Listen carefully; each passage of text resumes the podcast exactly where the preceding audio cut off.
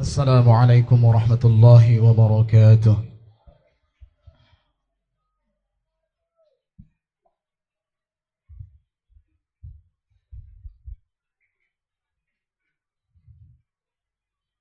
أعوذ بالله من الشيطان الرجيم.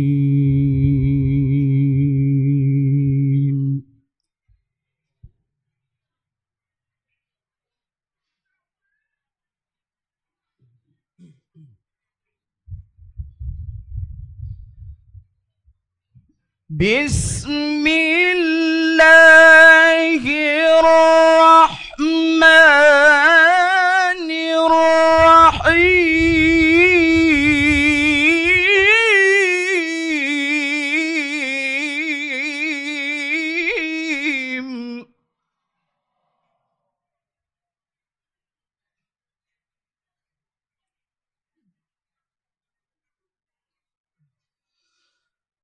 لقد كان لكم في رسول الله أسوة حسنة.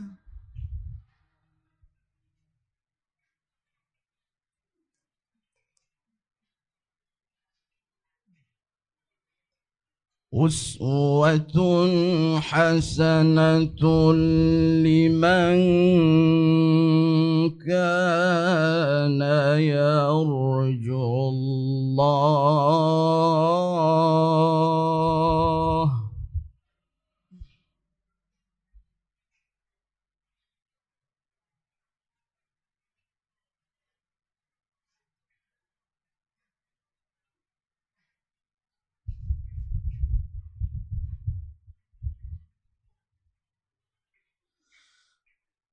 لمن كان يرجو الله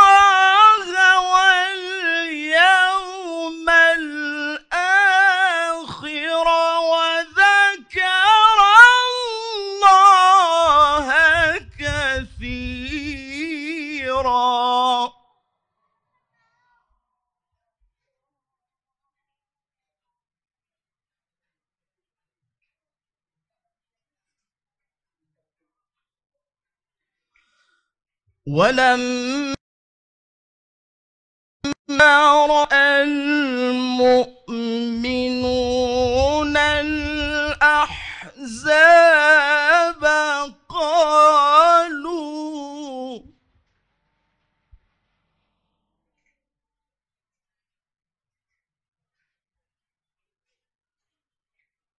قالوا هذا ما وعدنا الله ورسوله وصدق الله ورسوله.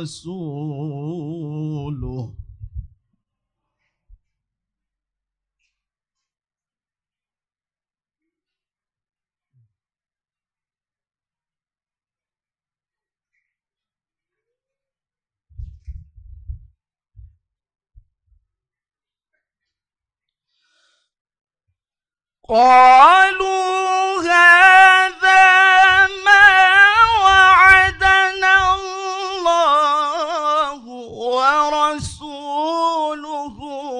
وصدق الله ورسوله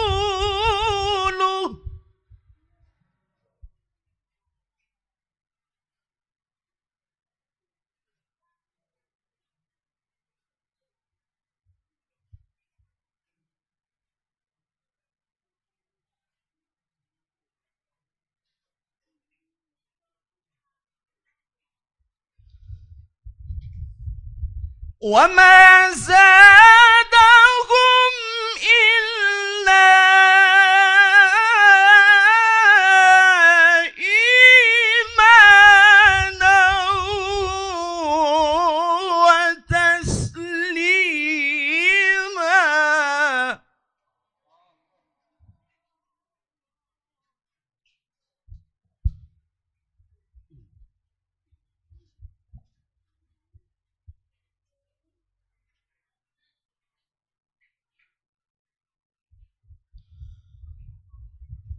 Bismillah.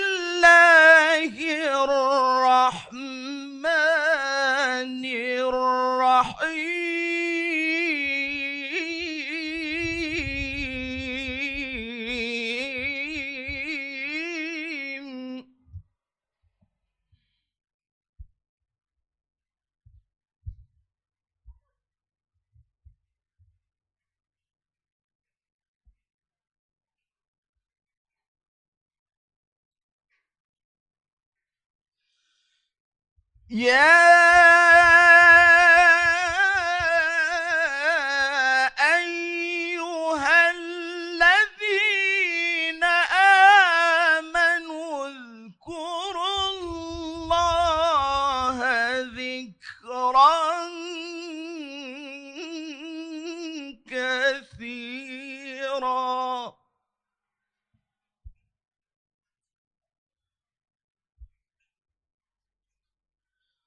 وسبحوه بكرة وأصيلا.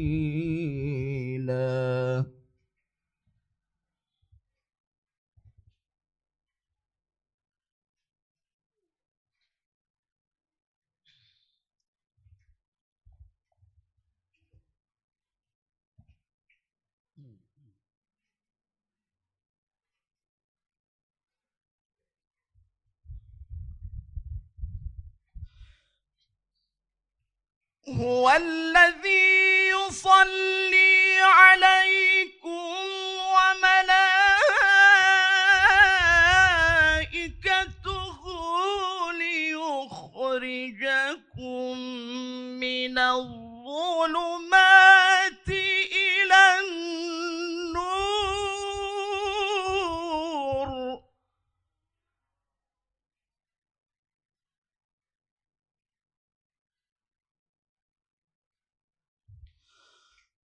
وكان بالمؤمنين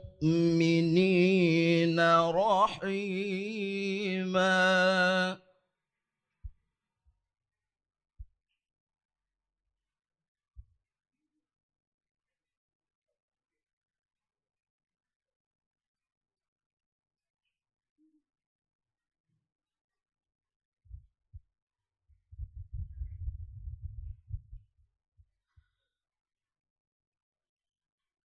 تحيتهم يوم يلقونه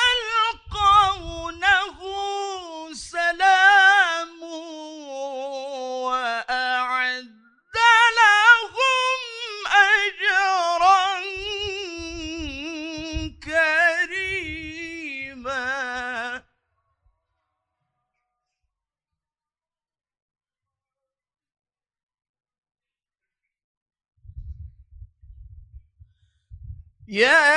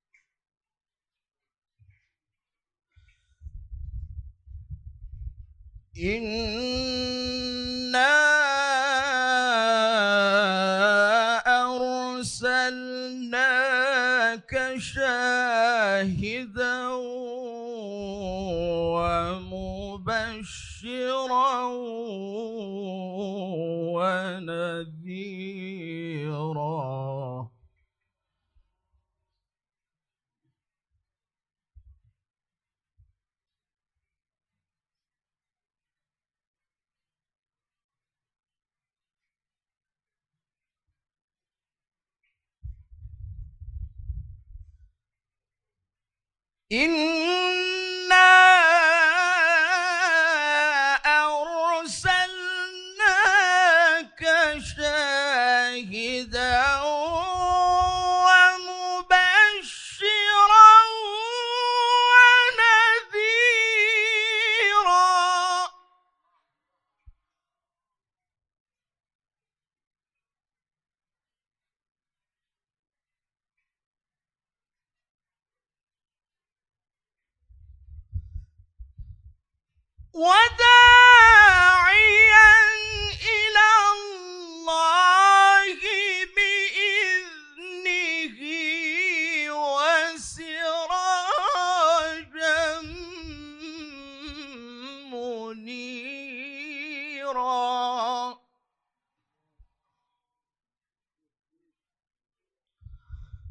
وبشر المؤمنين بأن لهم من الله فضلا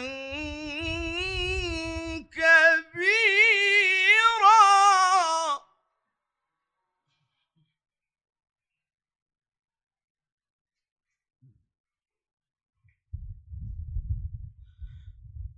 ولا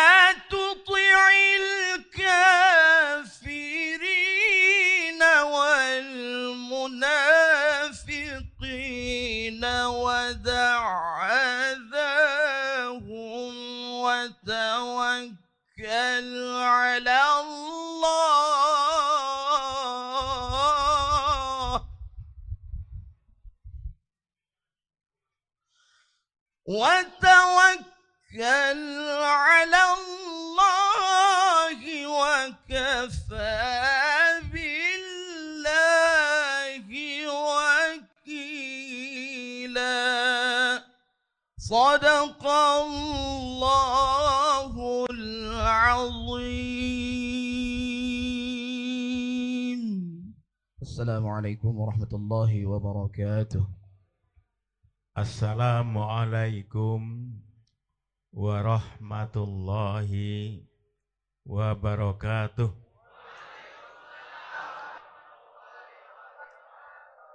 Alhamdulillahi rabbil alamin.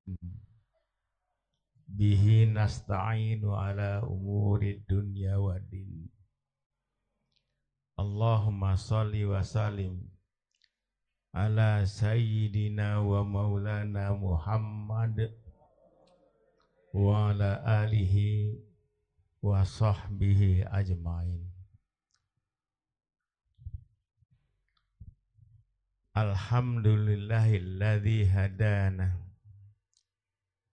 wa aqama wa aqamana ala dini kullihi kafah salatan wa daima wa sarmadan ala habibina wa maulana Muhammad wa ala alihi wa sahbihi ajmain. Wa ba'du. Yang sama-sama kita muliakan guru kita Kiai Haji tularan kita ganteng jiwa raganya kepada kita semuanya. Berkat Habib darahnya baginda Rasulullah Wasallam. Sungguh sebuah desa, sebuah tempat akan gersang kalau belum pernah dipijak oleh baginda Rasulullah Wasallam. Hari ini bumi ini tempat ini bukan saja sekedar dipijak oleh serpihan tubuh baginda Rasulullah. Tetapi serpihan tubuh itu ada di tengah-tengah kita. Mudah-mudahan berkah daripada darah dan serpihan baginda Rasulullah Sallallahu Alaihi Wasallam. Kita semuanya berkenan mendapat syafaat azuma daripada baginda Rasulullah sallallahu alaihi wasallam. Demikian para asatid Anda sahabat abun tercinta dari kota Pematang Siantar Asyik Muhammad Azim dan juga teman-teman yang lain juga para ustadz-ustadz yang mungkin abun tidak bisa menyebutkan satu persatu mengingat waktu sangat berharga ini. Hadirin dan hadirat yang dimuliakan Allah Subhanahu wa taala. Kenapa dalam ceramah Kalimat ini selalu dan sering senantiasa diulang-ulang. Yang mulia dan yang mulia. Nah, sebenarnya kalau mau jujur, orang yang termulia seperti yang dilansir dalam sebuah hadis di mana seorang sahabat bertanya, "Ya Rasulullah, siapakah orang yang termulia di sisimu kelak ya Rasulullah?" Secara sederhana beliau menjawab, "Aktsaruhum alayya sholatan." Orang yang terbanyak bersolawat itulah yang paling mulia. Jadi mulia di sini bukan karena banyak duitnya. Boleh juga banyak duit tapi banyak sholawat. Tapi ini jarang kejadian. Kalau sudah banyak duit, lupa sholawat itu. Kenapa? Mohon maaf kalau ini ada yang menyinggung tapi abun datang dari si antar bukan untuk menyinggung hati. Orang yang banyak duit itu sombong. Bagaimana bentuk sombongnya? Tatkala datang panitia pembangun masjid dengan anteng. Nah ini berapa semako? 10 juta. Nah oleh karena itulah sekilas ini disebutkan bahwa kemuliaan itu bukan dari sana dasarnya. Secara logika, teori juga seperti Abun katakan tadi, bisa saja orang yang banyak duit, banyak sholawatnya. Demikian juga, bisa juga orang pejabat tinggi, banyak sholawatnya. Tapi Abun yang orang kampungan ini belum pernah Abun lihat yang namanya pejabat, itu banyak bersolawat. Bahkan seorang pejabat kalau diundang, begitu kata sambutan, ada tugas yang lain katanya. Mungkin di sini Kepler pun nggak ada di sini. Ada Kepler di sini. Itulah gambaran fakta yang nyata. Bahwa sebenarnya kemuliaan bukan dari sana sumbernya. Oleh karena itu bagi kita Nggak usahlah minder kalau nggak jadi pejabat, plus nggak usah minder kalau nggak punya duit. Tapi yang utama tujuan pokok perbanyak salawat kepada baginda Rasulullah Sallallahu Kenapa kita harus cinta kepada Rasul? Bagaimana kita tidak cinta? Bagaimana coba? Beliau katakan bahwa as-syafaati li ahlil kabair min umati. Luar biasa ini. Ada satu gambaran bahwa kita ini banyak dosa memang. Dan itu fakta baginda menyebutkan bahwa kelak syafaatku yang namanya syafaat azuma itu berlaku untuk umat-umatku yang sudah jelas tiketnya masuk ke dalam neraka. Mohon maaf mungkin guru kita ini nggak dapat syafaat azumah itu nggak dapat. Karena yang dapat itu orang-orang yang berdosa besar. Beliau kan nggak punya dosa besar. Jadi nggak perlu syafaat kepada beliau. Meskipun tentunya semua kita mengharapkan. Tapi ini jangan dipelintir ya, jangan dipolitisir. Kalau gitu pun boleh dong kita kerjakan dosa besar. Nggak ada pun bilang begitu, nggak ada. Nggak ada. Ini bagi yang sudah terlanjur, sudah melakukan dosa. Artinya apa? Di sisi yang lain, di Islam tidak ada jalan buntu. Dosa segede mana pun, kalau ia cinta kepada baginda Rasulullah Sallallahu Alaihi Wasallam akan bisa dibebaskan. Jadi nggak ada alasan kita nggak cinta sama Rasul. Dalam hadis yang lain juga kata baginda Rasulullah sallallahu alaihi wasallam, "Likulun nabiyyin doaun mustajab." Setiap nabi punya doa yang pasti jebol langit sana. Tapi doa itu kusimpan untuk umatku hari kiamat. Luar biasa. Di mana kita sangat-sangat membutuhkan bantuan suasana yang dahsyat dan luar biasa di padang masar. Di situlah Baginda menggunakan senjata pemungkasnya mendoakan kita umat. Jadi nggak ada alasan kalau kita tidak mencintai baginda Rasulullah Sallallahu. Makanya abun kadang-kadang heran. Ya heran sih wajar. Orang yang tidak percaya dengan maulid ataupun muludan ataupun milad baginda ini. Sama seperti bilang begini, ngapain lu tanam padi? Seperti orang yang sudah kenyang, tapi dia protes ngapain tanam padi? Padahal dia hidup dan dibesarkan itu dengan beras. Seperti itulah.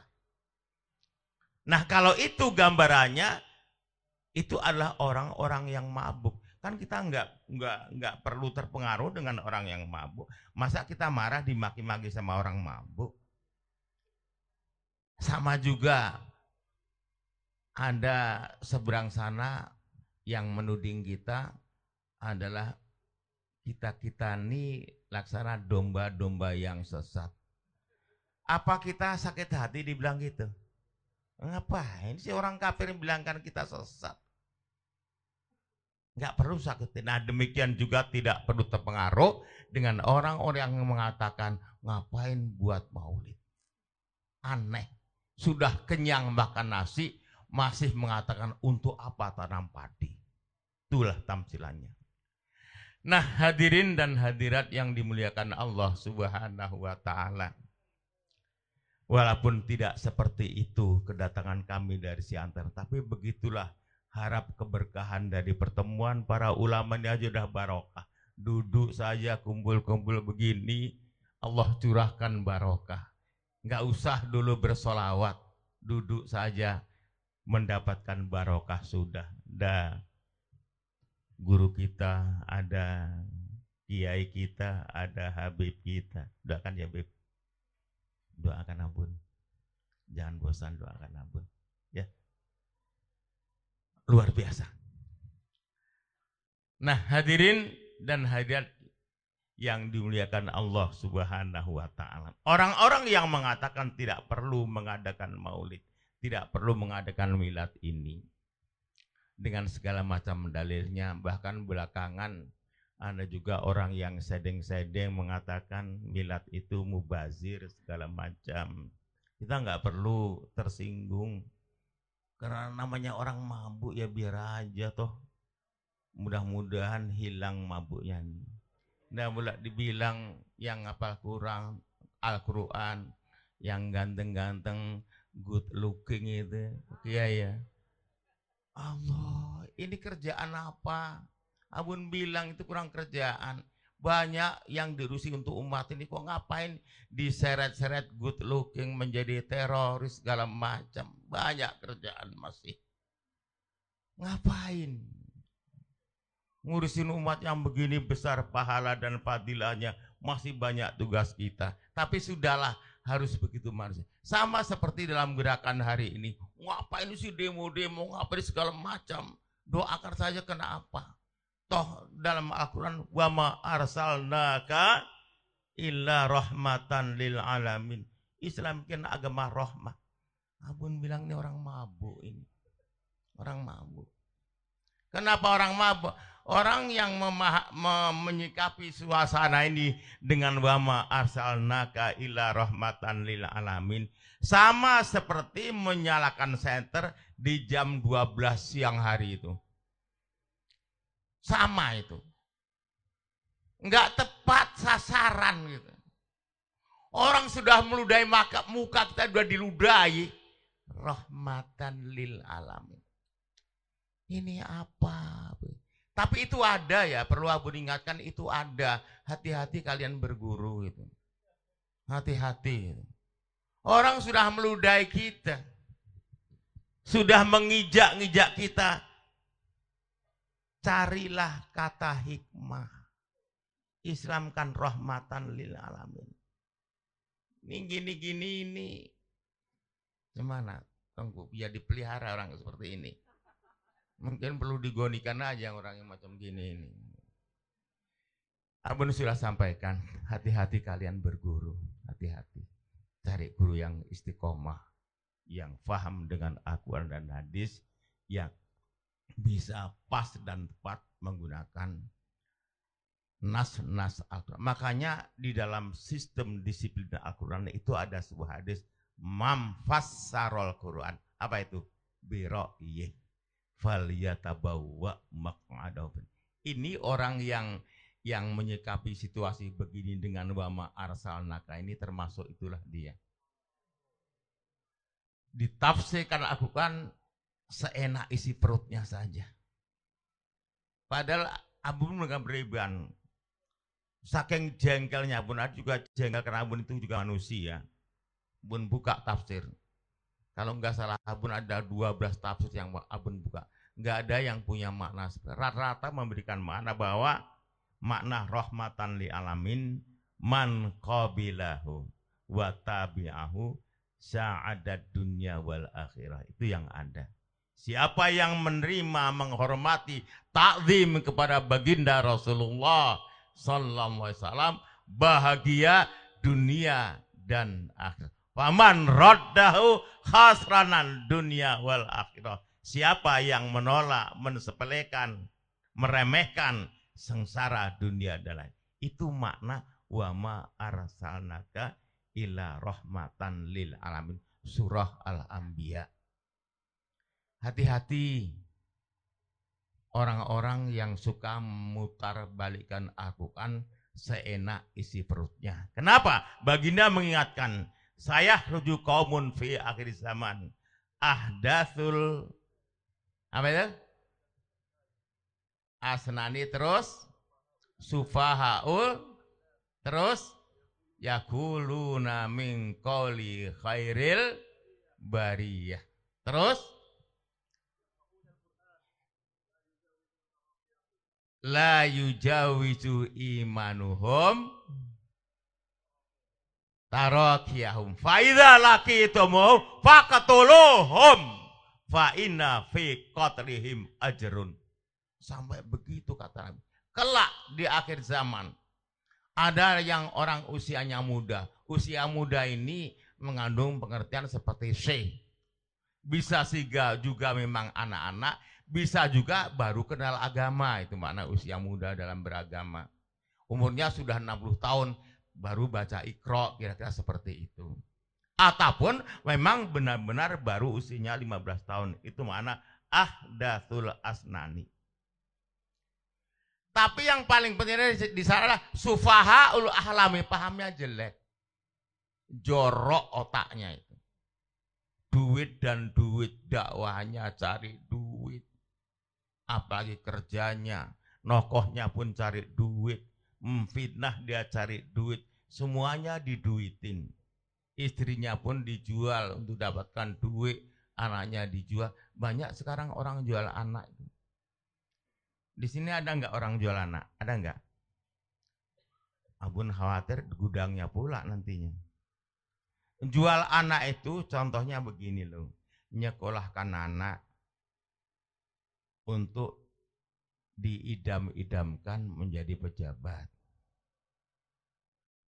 Makanya sampai di sini Abu sering bilang, kok nyekolahkan anak menjadi pencuri sih? Buat disekolahkan ke madrasah, ke pesantren, ke tahfidz, itu baru sekolah. Lah kalau menyekolahkan anak untuk jadi pejabat, Abun bukan menyindir pejabat, bukan. Bukan. Tapi ini Abun bicara tentang fakta, tentang kenyataan. Hampir-hampir. Ada sih satu dua pejabat yang lempeng, tapi itu sejuta setengah aja yang ada. Bukan sejuta satu gitu. Umumnya kalau jadi pejabat, kalian bisa lihat. Maka Abun pernah bilang, kalau aku mati, hai murid-muridku, nggak usahlah diundang pejabat itu nggak usah. Kenapa? Hadis mengatakan kululah min nabata min suktin fannaru aulami. Nah, hadis yang lain alamana baginda menyebutkan lukmah satu suap yang kita makan, satu suap yang kita makan maka akan menahan mencegah ibadah selama 40 hari. Artinya kalau kita makanan satu suap dengan yang haram, 40 hari ibadah kita nggak diterima. Nah, nasi sebungkus itu berapa suap? Berapa suap? Kalau kita beli beli nasi bungkus ataupun sepiring, berapa suap kira-kira? Ini kita bicara fakta, kita bicara matematika. Nasi sebungkus berapa suap? Enggak yang kita makan, masa kita lupa atau sepiring berapa suap? Berapa Ustaz? Berapa suap? Beb, berapa suap? Beb, satu piring. Berapa? Enggak, satu piring aja. Satu bungkus yang 10 ribu itu berapa suap? 20 suap. Di sini 10 ribu ya. Nah, 10 ribu itu isinya 20 suap. Kalau daripada 10 ribu itu uang curian, sementara satu suap itu adalah 40 hari, berapa lama nggak diterima ibadahnya dengan 10 ribu? Berapa itu? Hampir tiga tahun kata Buya kita. Nah kalau satu miliar korupsi apa jadinya? Sepuluh ribu saja hampir tiga tahun nggak diterima ibadah. Kalau satu miliar korupsi, korupsi itu kan bahasa keren. Padahal apa itu korupsi itu? Nyolong tau. Korupsi itu kan nyolong, maling, ngerampok, begal. Sepuluh ribu saja, tiga tahun kata Buya kita. Ibadah nggak diterima. Kalau satu miliar macam mana? Seumur hidup kalau dia nggak tobat. Tobat itu gimana sih? Kalau dia tobat, dicolong 10, 1 miliar, ya dipulangkan 1 miliar. Itu namanya tobat. Tapi belum pernah kedengaran juga. Orang tobat diponis masuk penjara, malah dua kali lipat dia sudah di dunia dipenjarakan. Di akhirat kan belum selesai hukum dunia itu. Ini namanya menyuruh anak, ngajari anak menjadi pencuri, menjadi maling. Ingat bapak-bapak, ibu-ibu yang punya anak, ingat-ingat ini, nggak usah dah anak disuruh menjadi pencuri, menjadi perampok, menjadi pembohong. Memang kata orang kampung, iya pan, kata orang kampung, kalau anak Tafid bisa apa? Biar aja lah. Biar aja nggak bisa apa-apa. Yang penting sholat jangan tinggal. Dan yang penting ibadah tidak kurang. Yang penting kenal sama baginda Rasulullah Sallallahu Alaihi Wasallam. Cukup sama kita. Dunia nanti sebentar. Sebentar sekali. Lebih-lebih macam seusia abunnya apa yang harus dikejar pintu kubur sudah menganga. Kalau kata orang kampung sudah bau tanah, mau ngapain hidup? Ini pun sudah banyak bonus. Nabi kita berapa umurnya? 63. Abun sudah dapat bonus 10 tahun sudah. Hari ini sudah 73. Sudah lewat batas ini. Ini entah karena saking rakusnya hidup, saya pun nggak minta kok panjang umur itu nggak abun minta. Dengan arti kata panjang umur cara matematika nggak abun minta. Abun minta panjang umur memang dalam ibadah, bukan untuk matematika lama bukan. Nah, hidup cuma sebentar bapak-bapak sekalian kalau punya anak ingat-ingat. Cuma dia memang repot lah. Repot. Repotnya itu kita selalu dihadapkan oleh kepentingan. Kita selalu dihadapkan oleh gesekan dan pengaruh jarang yang tabah. Mudah-mudahan mari kita sama-sama berdoa anak-anak kita diselamatkan oleh Allah Subhanahu wa taala dan pejabat-pejabat kita semua semoga diistiqomahkan oleh Allah Subhanahu wa taala. Abun dengar tadi di kanan kiri kita ada calon Bapak Wali Kota. Tolong Pak Wali Kota kalau diberi amanah sama Allah Subhanahu wa taala nanti perhatikan umat ini. Perhatikan. Tolong diperhatikan umat ini. Ya kalau konsep negara ini asik yang didandani ekonominya. Bantuan-bantuan ekonomi kita tahu itu. Ada namanya apa? Bantuan langsung. Ini nggak menolong ini. Sistem dan konsep apa pun yang diterapkan untuk mengatasi resesi nggak bakalan ada gunanya. Dan itu fakta. Semakin dikasih bantuan, semakin orang berpikir ngapain? Ngapain kerja? Toh bantuan akan datang.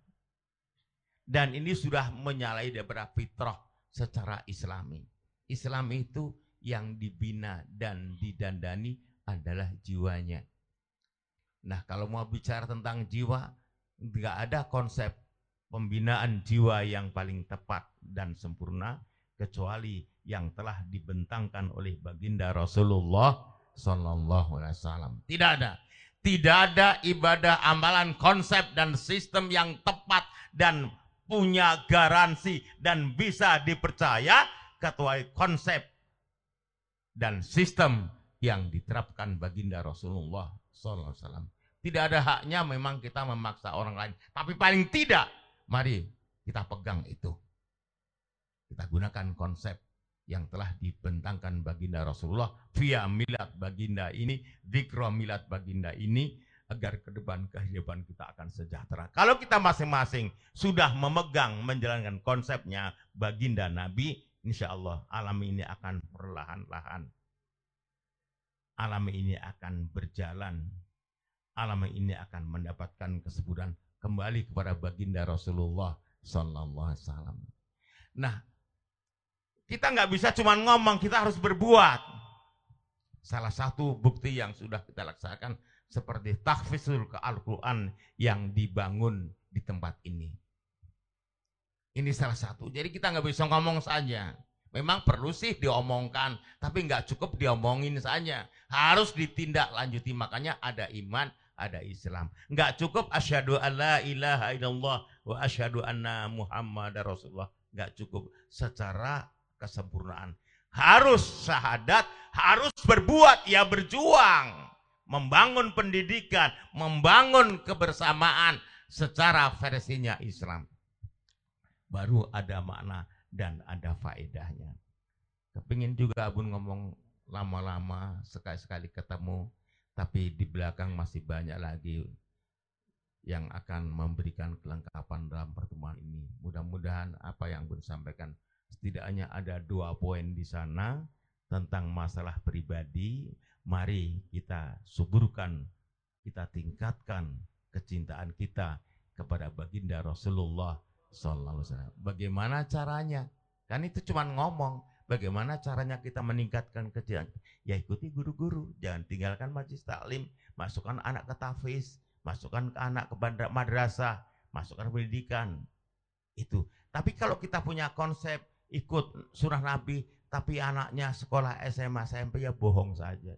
Goblok namanya, tolol namanya, longor namanya itu. Ya, kita ingin ikut sunnah Rasul, masukkan anaknya ke tahfizul Quran. Itu baru benar. Jadi akan lucu, ironi nanti namanya. Kita mau suburkan sunnah Rasul, tapi anak SMA. Kalau bahasa canda itu apa? Bukan mengkritisi SMS, bukan. Ini kita bicara fakta dan kenyataan. Kita nggak usah nutup mata, kita harus melek, kita lihat. Loh dari SMP sudah biasa bergaul dengan perempuan sudah ngelonte itu gimana? Ajaran apa yang dibenarkan laki-laki perempuan ngomong-ngomong jalan sama itu ajaran apa coba? Abun mau tanya juga. Dan itu diri dari kecil. Bagaimana dia besar tiba-tiba alim. Tutup mata. Gak mungkin. Udah 12 tahun. Di SD 6 tahun. SMP 3 tahun. SMA 3 tahun. 12 tahun terbiasa. Untuk mengkikisnya berat. Oh bicara kalau Allah mengendaki itu bukan urusan kita. Itu urusan hakikat. Tugas kita mendidik dari ABC itu secara baik. Baru. Jadi kalau kita lihat di masyarakat kita, pergaulan wanita dan pria biasa-biasa saja. Kenapa? Sudah mendarah dan mendaging. Boncengan, aduh Macam rasanya hari ini ulama-ulama sudah memberikan lisensi boleh pacaran. Amit-amit jabang bayi. Betul apa betul? Sepertinya Ustadz sudah memberikan tanda tangan setuju tentang berpacaran. La ilaha illallah. Macamnya nggak bisa dibendung lagi dan nggak bisa dilarang lagi.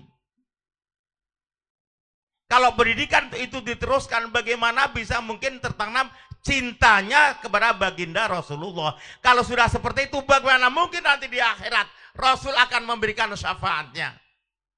Kalaupun kita berteriak, ya Rasul aku umatmu. Kau siapa? Tak pernah mengikuti, apalagi menjaga, membela. Ada tiga golongan. Dan baca satu ada tiga golongan nanti yang tidak bisa melihat wajah baginda Rasulullah Sallallahu Alaihi Wasallam. Nggak bisa melihat, nggak bisa ketemu. Salah satunya adalah mantaroka sunati. Siapa yang meninggalkan sunahku, gak akan bakal bisa melihat, apalagi ketemu baginda Rasulullah Wasallam. Melihat saja sudah indah di wajah kita. Panas yang terik bisa menjadi sejuk. Itu melihat saja. Apalagi bisa bersalaman. Tapi ini tiga golongan tidak bisa ketemu melihat melihat gak bisa baginda Rasul. Salah satunya orang-orang yang meninggalkan sunnah baginda Rasulullah Wasallam. Kalian tahu sunnah itu? Sunnah itu apa sih? Kehidupan yang konkret. Semuanya. Itu sunnah. Kehidupan yang menyeluruh. Wama atakumu rasulu. Apa itu ujungnya? Fakhuduhu. Wama nahakum anhu. Fantahu. Itu sunnah. Wama atakumu rasulu fakhuduhu. Apa saja, ya apa saja. Ngomongnya, pakaiannya, tidurnya, bergaulnya, memerintahnya, berjalannya. Kalau kita berani meninggalkan sunahnya, gak usah mimpi dah, syafaat. Ketemu juga tidak. Makanya mudah-mudahan yang kita gadang-gadang menjadi wali kota Medan itu jadi. Dan abun titip salam kalau jadi tukar pakaian dinas wali kota itu. Pakai apa? Pakai gamis. Kalau berani abun mau doakannya. Kalau nggak berani abun males loh. Gitu. Ya, itu sunnah. Nggak usah alasan lah kan sedang bertugas loh. Memangnya bisa dipisahkan antara tugas dengan manusianya. Nanti di akhirat bisa dipisahkan Nggak bisa, nggak bisa, nggak bisa, nggak bisa, nggak bisa, nggak bisa. Jadi kembali lagi, tumbuhkan cinta kepada baginda dengan mengikuti apa yang dibawa oleh baginda dan menjauhlah dari larangan baginda. Yang tadi yang abun sental tadi sudah macam membudaya nggak bisa dihindari tentang hubungan pria dan wanita. Kalau semuanya majelis seperti ini, pisah wanita dan pria. Itulah dia sebenarnya ajaran itu. Tidak keruntal-keruntal, senggol sana, senggol sini. Pun tengok nggak ada perempuan, padahal banyak perempuan ini tapi berpisah. Begini macet itu sebenarnya. Ada pula yang keren sekarang. Buya Tengguh, apa yang keren? MC-nya itu mesti perempuan.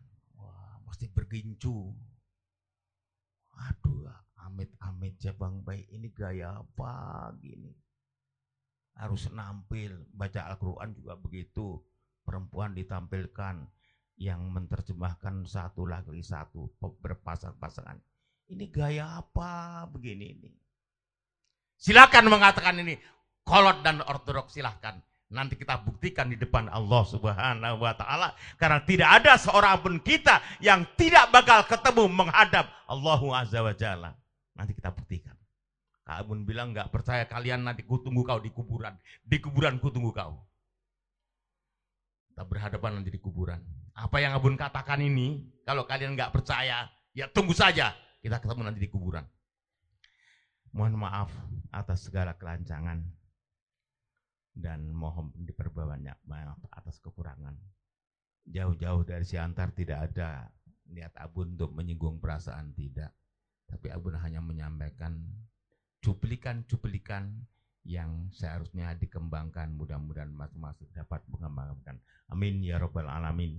Billahi taufik wal hidayah. Wassalamualaikum warahmatullahi wabarakatuh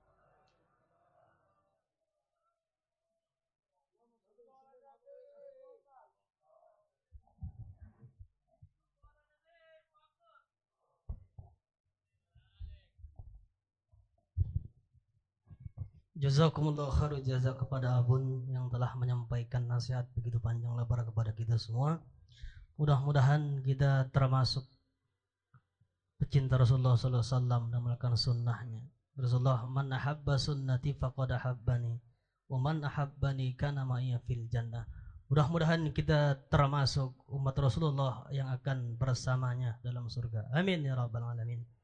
Selanjutnya yaitu kami mohon minta kepada Sayyidil Habib Haikal Hasan Al-Idrus untuk tausiah yang kedua. Persilahkan dengan segala hormat, Bib.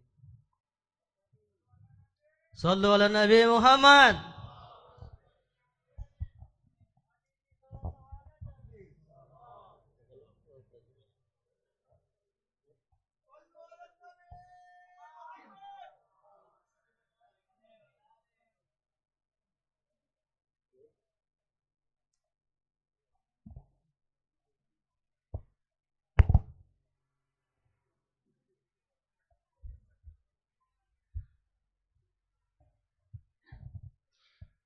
السلام عليكم ورحمة الله وبركاته. الحمد لله رب العالمين. نحمده ونستعينه ونستغفره ونستهديه. ونعوذ بالله من شرور أنفسنا ومن سيئات أعمالنا. من يهده الله فلا مضل له. ومن يضلله فلن تجد له وليا مرشدا. اللهم صل وسلم على سيدنا وحبيبنا وشفيعنا وقرة أعيننا محمد. مفتاح باب رحمة الله عدد ما في علم الله صلاة وسلاما دائمين بدوام ملك الله. وعلى آله وصحبه ومن والاه ولا حول ولا قوة إلا بالله. Yang saya hormati Tuan Guru kita bersama Kiai Haji Mufti Ahmad Nasihin. Mudah-mudahan dipanjangkan terus umurnya oleh Allah Subhanahu wa taala.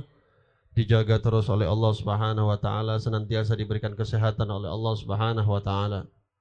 Begitu juga tuan-tuan guru Sohibul Bait Kiai Haji Buya Tengku Zulkarnain Abun Siantar orang-orang tua kita Ustadz Zulfikar Hajar dan para alim ulama yang tidak dapat saya sebutkan satu persatu namanya Ustadz Ja'far Saghir para alim ulama, para umara, mudah-mudahan berkumpulnya kita yang tadi dapat rahmat daripada Allah Subhanahu wa taala, diturunkan rahmat oleh Allah Subhanahu wa taala dan perkumpulan kita tidak lain dan tidak bukan hanya untuk karena menyenangkan rahmat terbesar yang diutus oleh Allah Subhanahu wa taala Nabi Nuna Muhammad sallallahu alaihi wa ala alihi wa sahbihi wasallam. Mudah-mudahan insyaallah perkumpulan-perkumpulan semisal ini diperbanyak oleh Allah Subhanahu wa taala. Khususnya di negeri kita di Sumatera Utara, mudah-mudahan insyaallah dimakmurkan terus perkumpulan-perkumpulan ini oleh Allah Subhanahu wa taala. Perkumpulan-perkumpulan semisal ini perlu diperbanyak untuk kita menandingi daripada perkumpulan-perkumpulan yang membawa murka daripada Allah Subhanahu wa taala dan mudah-mudahan insyaallah majlis-majlis semisal ini pun dimakmurkan oleh Allah Subhanahu wa taala. Amin ya rabbal alamin. Hadirin hadirat yang dirahmati oleh Allah Subhanahu wa taala. Kemarin kita membahas dan saya tidak akan panjang-panjang karena memang masih mungkin banyak lagi para alim ulama yang akan berbicara. Cuman karena kita menganggap setiap malam kita berkumpul dari satu tempat kepada tempat untuk membahas kisahnya baginda Nabi Muhammad sallallahu alaihi wa ala alihi wa sahbihi wasallam. Pada pertemuan yang lalu kemarin kita membahas bagaimana keberkahan Nabi Muhammad sallallahu alaihi wasallam yang diciptakan oleh Allah Subhanahu wa taala. Salah bagi orang-orang yang mengatakan Nabi Muhammad itu adalah mulia ketika diangkat menjadi nabi. Salah orang-orang yang mengatakan Nabi Muhammad itu baru mulia ketika diangkat menjadi rasul. Bahkan sebelum semua diciptakan oleh Allah Subhanahu wa taala, Nabi Muhammad sudah dimuliakan oleh Allah Subhanahu wa taala. Dari sejak lahirnya membawa keberkahan kepada orang-orang yang bersambung kepada baginda Nabi Muhammad sallallahu alaihi wasallam. Kemarin kita menceritakan bagaimana sampai akhirnya Halimatus Sa'diyah mendapatkan keberkahan daripada baginda Nabi Muhammad yang notabene ketika itu masih dalam keadaan bayi umurnya. Sehingga ketika setelah dua tahun Rasulullah bersama Sayyidah Halimatus Sa'diyah sudah habis masa susunya Halimatus Sa'diyah kepada Nabi Muhammad SAW ingin dikembalikan Nabi Muhammad kepada ibunya yaitu Siti Aminah. Akan tetapi ketika itu di kota Makkah terjadi wabah ada penyakit yang menyebar sehingga Sayyidah Aminah, Siti Aminah ketika itu merasa khawatir akan anaknya yaitu Nabi Muhammad, akhirnya dikembalikan lagi oleh Sayyidah Halimatus Sa'diyah sampai kita mengetahui bahwasanya Nabi Muhammad sallallahu alaihi wasallam sampai usianya lima tahun baru kembali lagi kepada ibundanya Siti Aminah. Sehingga ketika baru beberapa bulan, mungkin sampai dikatakan hampir satu tahun, Rasulullah sallallahu alaihi wasallam bersama Siti Aminah satu kali Siti Aminah membawa Nabi Muhammad sallallahu alaihi wasallam untuk pergi ke kota Yathrib yang sekarang disebut dengan kota Madinah. Dulu abahnya Nabi Muhammad sallallahu alaihi wasallam yang meninggal sebelum Rasulullah dilahirkan di dunia. Lihat bagaimana Rasulullah sallallahu alaihi wasallam diberikan ujian yang begitu besar oleh Allah Subhanahu wa taala. Lahirnya tidak pernah melihat ayahnya ketika lahir tidak pernah menyebut seumur-umur hidupnya beliau tidak pernah memanggil panggilan ayah, panggilan abah. Karena memang ketika beliau lahir adalah orang tuanya yaitu abahnya Sayyidina Abdullah bin Abdul Muttalib telah dicabut nyawanya oleh Allah Subhanahu wa taala. Dan dikatakan oleh para ulama asyaddul yutum yatim yang paling menyedihkan, yang paling berat itu adalah ketika seseorang lahir, seorang bayi lahir akan tetapi tidak lagi mendapati anaknya. Tidak lagi mendapati ayahnya sehingga dikatakan Sayyidah Aminah mengajak Rasulullah sallallahu alaihi wasallam, mengajak Nabi Muhammad yang usianya masih sekitar 5 atau 6 tahun bersama satu orang wanita bernama Ummu Aiman, tiga orang dua unta berjalan dari kota Mekah menuju kota Madinah. Berziarah dibawa Nabi Muhammad sallallahu alaihi wasallam untuk mendatangi keluarga kerabat daripada pamannya yaitu daripada saudaranya Abah Rasulullah bernama Abdullah bin Abdul Muttalib karena Sayyidina Abdullah ini ibunya daripada Bani Najjar. Bani Najjar daripada orang-orang yang ada di kota Madinah. Sehingga dibawa oleh ibunya. Rasulullah diajarkan dari kecil untuk menziarahi kerabat bapaknya. Yang mana ketika itu bapaknya sudah wafat. Bapaknya sudah meninggal. Dan ini adalah merupakan akhlak adab yang diajarkan oleh Siti Aminah kepada baginda Nabi Muhammad Wasallam. Kita melihat sekarang banyak, jangankan bapak kita masih sudah meninggal, bapak kita masih hidup, kita pun enggan untuk berziarah kepada kerabat orang-orang tua kita. Siti Aminah dulu ndak ada mobil, kalau sekarang kita ada mobil, ada pesawat, ada keringanan daripada Allah Subhanahu Wa Taala. Dulu Siti Aminah berjalan naik onta dari kota Makkah menuju kota Madinah, jaraknya kurang lebih 400 atau 500 kilometer bukan sedikit, bukan jarak yang dekat, akan tetapi hanya untuk bersilaturahmi sampai ke kota Madinah Nabi Muhammad sallallahu alaihi wasallam diajak juga oleh ibunya yaitu Siti Aminah untuk berziarah ke makamnya baginda Sayyidina Abdullah bin Abdul Muttalib. Lihat bagaimana sedihnya baginda Nabi Muhammad sallallahu alaihi wasallam dan ini merupakan pelajaran untuk kita kita siapa pun yang mendapatkan musibah daripada Allah jangan pernah seakan-akan kita adalah orang yang paling berat musibahnya. Karena Nabi SAW pernah bersabda man usiba bi musibatin falyatadzakkar bi musibati fa innahu a'dhamal musibah. Barang siapa di antara kalian yang terkena musibah kata Rasulullah jangan langsung kalian sedih. Jangan langsung kalian putus asa. Jangan langsung kalian kecewa karena kalian ingatlah musibah yang Allah berikan kepadaku karena musibah yang Allah berikan kepadaku adalah sebesar-besarnya musibah. Akan tetapi musibah yang diberikan oleh Allah kepada Nabi Muhammad bukan karena Allah tidak senang dengan Nabi Muhammad. Akan tetapi Nabi Muhammad ingin dididik langsung oleh Allah Subhanahu wa taala agar Nabi Muhammad ini menjadi orang yang betul-betul menjadi yang sebagaimana tadi dibacakan oleh qari laqad kana lakum fi rasulillahi uswatun hasanah tidak akan mungkin Rasulullah itu dapat menjadi uswatun hasanah kalau bukan Nabi Muhammad betul-betul ditimpa, betul-betul di terbiah oleh Allah Subhanahu wa taala. Bahkan di antara kata para ulama, Allah Subhanahu wa taala sengaja Nabi abahnya yaitu Abdullah bin Abdul Muthalib diwafatkan sebelum beliau lahir. Ibunya ketika usia beliau masih enam tahun diambil oleh Allah Subhanahu wa taala umurnya, nyawanya. Diambil oleh kakeknya Sayyidina Abdul Abdul Muttalib ibn Hashim. Cuman dapat dua tahun sama kakeknya. Diambil juga nyawanya oleh Allah Subhanahu wa taala. Seakan-akan semua orang yang dekat dengan Nabi Muhammad diambil nyawanya oleh Allah. Mungkin kita akan merasakan kalau ada anak yang semisal itu zaman sekarang, mungkin kita mengatakan ini anak bawa sial. Siapa pun yang dekat sama dia itu diambil nyawanya oleh Allah. Tapi Nabi Muhammad tidak. Nabi Muhammad ini dinampakkan oleh Allah, diajarkan kita oleh Allah Subhanahu wa taala. Allah tidak ridho Nabi Muhammad diterbiah dengan manusia. Allah langsung yang mau terbiah Nabi Muhammad. Allah langsung yang mau didik Nabi Muhammad sehingga Nabi Muhammad pernah mengatakan Addabani Rabbi fa ahsana ta'dibi.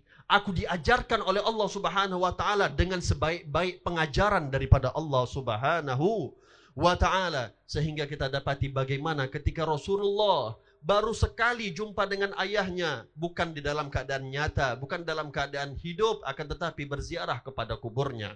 Lalu singkat cerita Nabi Muhammad setelah selesai urusannya dengan Siti Aminah di kota Madinah balik Nabi Muhammad ke kota Mekah. Di dalam perjalanan ke kota Mekah Siti Aminah dalam keadaan sakit. Sakit Siti Aminah.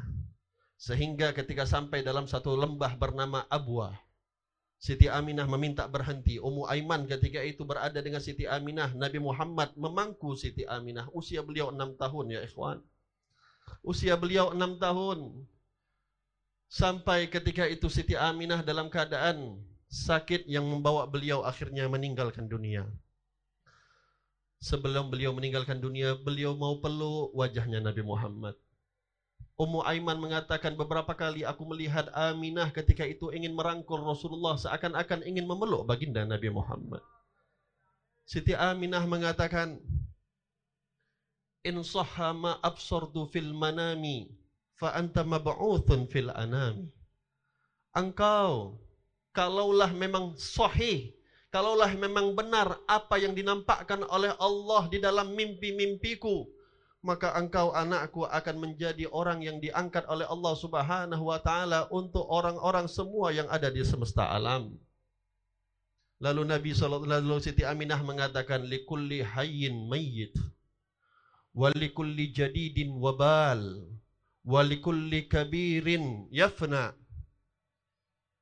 wa dzikril baki wa dzikri baki inni mayitun wa dzikri baki kata Siti Aminah semua yang hidup akan mati. Semua yang baru akan usang. Semua yang besar, semua yang tua akan lapuh. Aku sebentar lagi akan mati, kata Siti Aminah. Bentar lagi aku akan wafat. Akan tetapi anakku, kata Siti Aminah kepada Rasulullah yang usianya masih enam tahun. Kata Siti Aminah, Inni mayitun wa dhikru bagi. Aku akan mati aku akan menjadi mayat. Akan tetapi, kenang-kenanganku akan ada terus bersama engkau, wahai anakku. Sehingga sampailah wafatnya Siti Aminah, Anda bayangkan anak usia enam tahun menggali langsung bagaimana kubur ibunya. Tak ada orang ketika itu, cuma Rasulullah dengan Ummu Aiman berdua. Satu anak kecil, satu orang wanita. Tak ada satu manusia pun.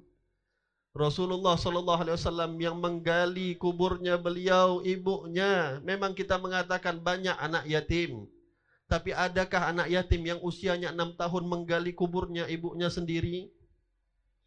Dikali oleh Sayyidina Rasulullah Sallallahu Alaihi Wasallam sehingga ketika ingin dimasukkan oleh Ummu Aiman jasadnya Siti Aminah, Sayyidina Ummu Aiman mengatakan kepada Rasulullah, "Ya ya Muhammad, jangan kau masuk, jangan engkau lihat." Ummu Aiman melihat bagaimana tergoncangnya hati Rasulullah yang hidup baru satu tahun sama ibunya akan tetapi dicabut nyawanya oleh Allah. Akhirnya tetap memaksakan Sayyidina Muhammad sallallahu alaihi wasallam memasukkan jasadnya Siti Aminah sampai ketika selesai pemakaman pulang Ummu Aiman dengan Rasulullah sampai ke kota Mekah dinampak oleh Abdul Muttalib. Abdul Muttalib langsung tak enak perasaan kok pergi bertiga pulang cuman berdua. Akhirnya Abdul Muthalib dan datangi Nabi Muhammad yang dalam keadaan menangis. Abdul Muthalib nanya, Aina ummak ya Muhammad? Mana ibumu wahai Muhammad?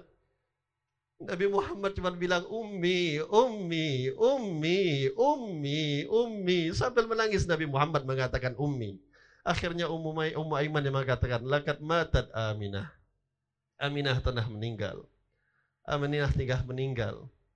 Melihat hal itu, cucu yang paling disayang oleh Abdul Muttalib daripada anak yang paling disayang yaitu Sayyidina Abdullah, anak kesayangannya Sayyidina Abdul Muttalib. Abdul Muttalib langsung memeluk Sayyidina Muhammad sallallahu alaihi wasallam. Langsung beliau mengatakan anta waladi anta waladi ente anak aku ente anak aku. Jangan takut nak engkau adalah anakku. Dapat kabar dapat angin segar Nabi Muhammad diasuh oleh kakeknya cuma bertahan dua tahun. Itu pun dicabut nyawanya oleh Allah Subhanahu wa taala Hadirin hadirat yang dirahmati oleh Allah, Nabi sudah mengingatkan kepada kita, siapa pun di antara kita yang kena musibah jangan langsung putus asa. Ingat Nabi Muhammad SAW, Anda mau sebut musibah apa pun yang Anda dapati, pasti Nabi Muhammad lebih parah mendapatkannya. Nabi Muhammad sudah mendahulunya lebih, parah daripada hal itu. Kita mengatakan musibah ditinggal anak Nabi Muhammad, enam anak beliau wafat sebelum beliau wafat. Tiga laki-laki, tiga perempuan, hanya satu Sayyidah Fatimah yang masih hidup ketika Rasulullah masih dalam keadaan hidup. Masih dalam keadaan wafat. Dan itu pun Rasulullah sudah mendapatkan kabar bahwasanya orang yang paling dekat daripada keluarganya Rasulullah yang akan menyusul beliau ketika beliau wafat adalah Siti Aminah anaknya sendiri. Enam, beliau kehilangan anaknya. Kita mengatakan kehilangan istri merupakan berat. Nabi Muhammad juga bukan satu dua kali kehilangan istrinya. Sayyidah Khadijah manusia yang paling dicintai oleh baginda Nabi Muhammad wafat sebelum Rasulullah wafat. Ayahnya wafat, ibunya wafat, kakeknya wafat, pamannya yang membela habis-habisan untuk beliau pun diwafatkan oleh Allah Subhanahu wa taala. Diusir dari negerinya. Dilempari batu dirinya. Dicaci dirinya, diludahi dirinya, dilempar kotoran dirinya. Semua musibah dialami oleh baginda Nabi Muhammad SAW. Tahu kenapa Allah Subhanahu Wa Taala memberikan itu semua karena kasih sayangnya Allah kepada Nabi Muhammad dan kasih sayangnya Allah kepada kita semua supaya kita menyadari kalau kita kena musibah ingat-ingat semua musibah itu sudah dialami oleh Rasulullah. Oleh sebab itu jadilah Nabi Muhammad sebagaimana yang dikatakan oleh Allah, laqad kana lakum fi Rasulillahi uswatun hasanah. Sungguh telah ada pada diri Nabi Muhammad uswatun hasanah. Untuk kita kata Allah, lakum untuk kita uswatun hasanah. Contoh terbaik yang diberikan oleh Allah Subhanahu wa taala. Oleh sebab itu hadirin hadirat yang dirahmati oleh Allah, Anda mau senang ikut Nabi Muhammad. Anda mau bahagia dunia akhirat ikut Nabi Muhammad. Anda ingin menjadikan apa pun diri Anda, Anda ingin menjadi umarok, ikutlah umarok seperti baginda Nabi Muhammad. Nabi Muhammad bukan tidak pernah menjadi umarok, Nabi Muhammad pernah jadi umarok. Umaroknya Nabi Muhammad adalah umarok yang terbaik. Anda ingin menjadi kepala keluarga yang terbaik, ikutlah sebagaimana kepala keluarga Rasulullah Shallallahu Alaihi Wasallam. Anda ingin menjadi suami yang baik, jadilah suami sebagaimana Nabi Muhammad SAW. Anda ingin menjadi seorang ayah, jadilah ayah seperti baginda Nabi Muhammad SAW. Permasalahan terbesar kita di zaman sekarang bukan karena hal ini dan itu, akan tetapi kita tidak menjadikan Rasulullah sebagai uswatun hasanah. Itu permasalahan kenapa kita umat muslimin sangat mudah digoyang oleh serangan mana pun karena kita tidak menjadikan di dalam hati kita uswatun hasanah. Ketika kita Nabi kita Nabi Muhammad dihinakan oleh orang-orang kafir. Apakah kita termasuk orang yang justru bereaksi untuk menampakkan akhlak Nabi Muhammad? Atau kita menampakkan di hadapan wajahnya Rasulullah SAW justru kita malah mengidolakan malah mengikuti orang-orang yang malah menghina Nabi Muhammad? Hadirin hadirat yang dirahmati oleh Allah. Ayo kita kembali kepada Rasulullah Ayo kembali lagi kita kepada baginda Nabi Muhammad SAW. Dunia akhirat akan dijamin oleh Allah Subhanahu Wa Taala. Anda akan bahagia. Akan tetapi jangan harapkan kebahagiaan kalau Anda jauh daripada Rasulullah. Jangankan harapkan Anda kebahagiaan kalau Anda tidak mau bersolawat kepada Nabi Muhammad. Jangan harapkan kebahagiaan kalau Anda enggan untuk menjalankan sunnah-sunnah baginda Nabi Muhammad. Jangan harapkan kebahagiaan dunia akhirat kalau Anda tidak menerapkan akhlaknya baginda Nabi Muhammad sallallahu alaihi wa ala alihi wa sahbihi wasallam. Mudah-mudahan Allah Subhanahu wa taala merahmati kita. Allah Subhanahu wa taala meridhai kita. Mudah-mudahan Allah Subhanahu wa taala menambahkan setiap malam khususnya di bulan-bulan Rabiul Awal, bulan yang kita berada di malamnya, bulan yang malam ini kita berada di bulan tersebut. Mudah-mudahan Allah Subhanahu wa taala senantiasa menambahkan rasa mahabbah kita kepada baginda Nabi Muhammad Sallallahu alaihi wa ala alihi wasallam kita mengharapkan sempurnanya iman kita sebagaimana yang telah disebut oleh Rasulullah. Tidak sempurna iman salah seorang daripada kalian sampai kalian menjadikan aku lebih kalian cintai daripada orang tua kalian daripada anak kalian daripada harta kalian dan daripada semua manusia. Mudah-mudahan Allah mengkaruniakan iman sempurna tersebut. Amin. Ya rabbal alamin. Dan kita mohon kepada Allah Subhanahu wa taala para alim ulama kita orang-orang tua kita pemimpin-pemimpin kita mudah-mudahan senantiasa senantiasa dijaga oleh Allah Subhanahu wa taala, dilindungi oleh Allah Subhanahu wa taala, senantiasa diberikan keistiqomahan oleh Allah Subhanahu wa taala. Demi Allah ya ikhwan, satu orang alim kita meninggalkan kita, kita merasakan ketinggalan, kesedihan yang luar biasa. Tinggallah beberapa orang alim yang ada dengan kita. Mudah-mudahan senantiasa dijaga terus oleh Allah Subhanahu wa taala sehingga dapat membimbing kita semua. Amin ya rabbal alamin.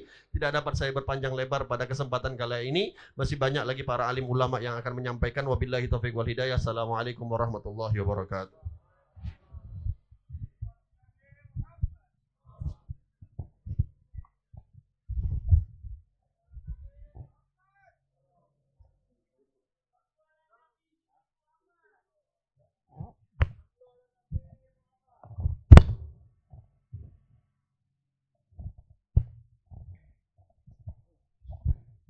Jazakumullah khair jaza kepada Sayyidil Habib Haikal Hasan yang telah menyampaikan panjang lebar tausiahnya kepada kita.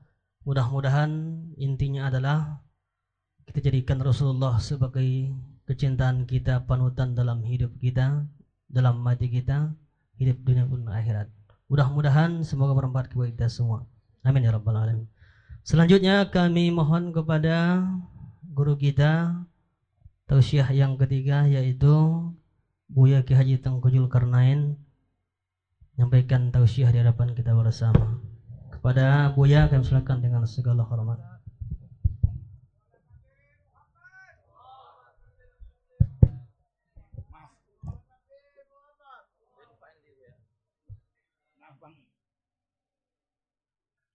Assalamualaikum warahmatullahi wabarakatuh.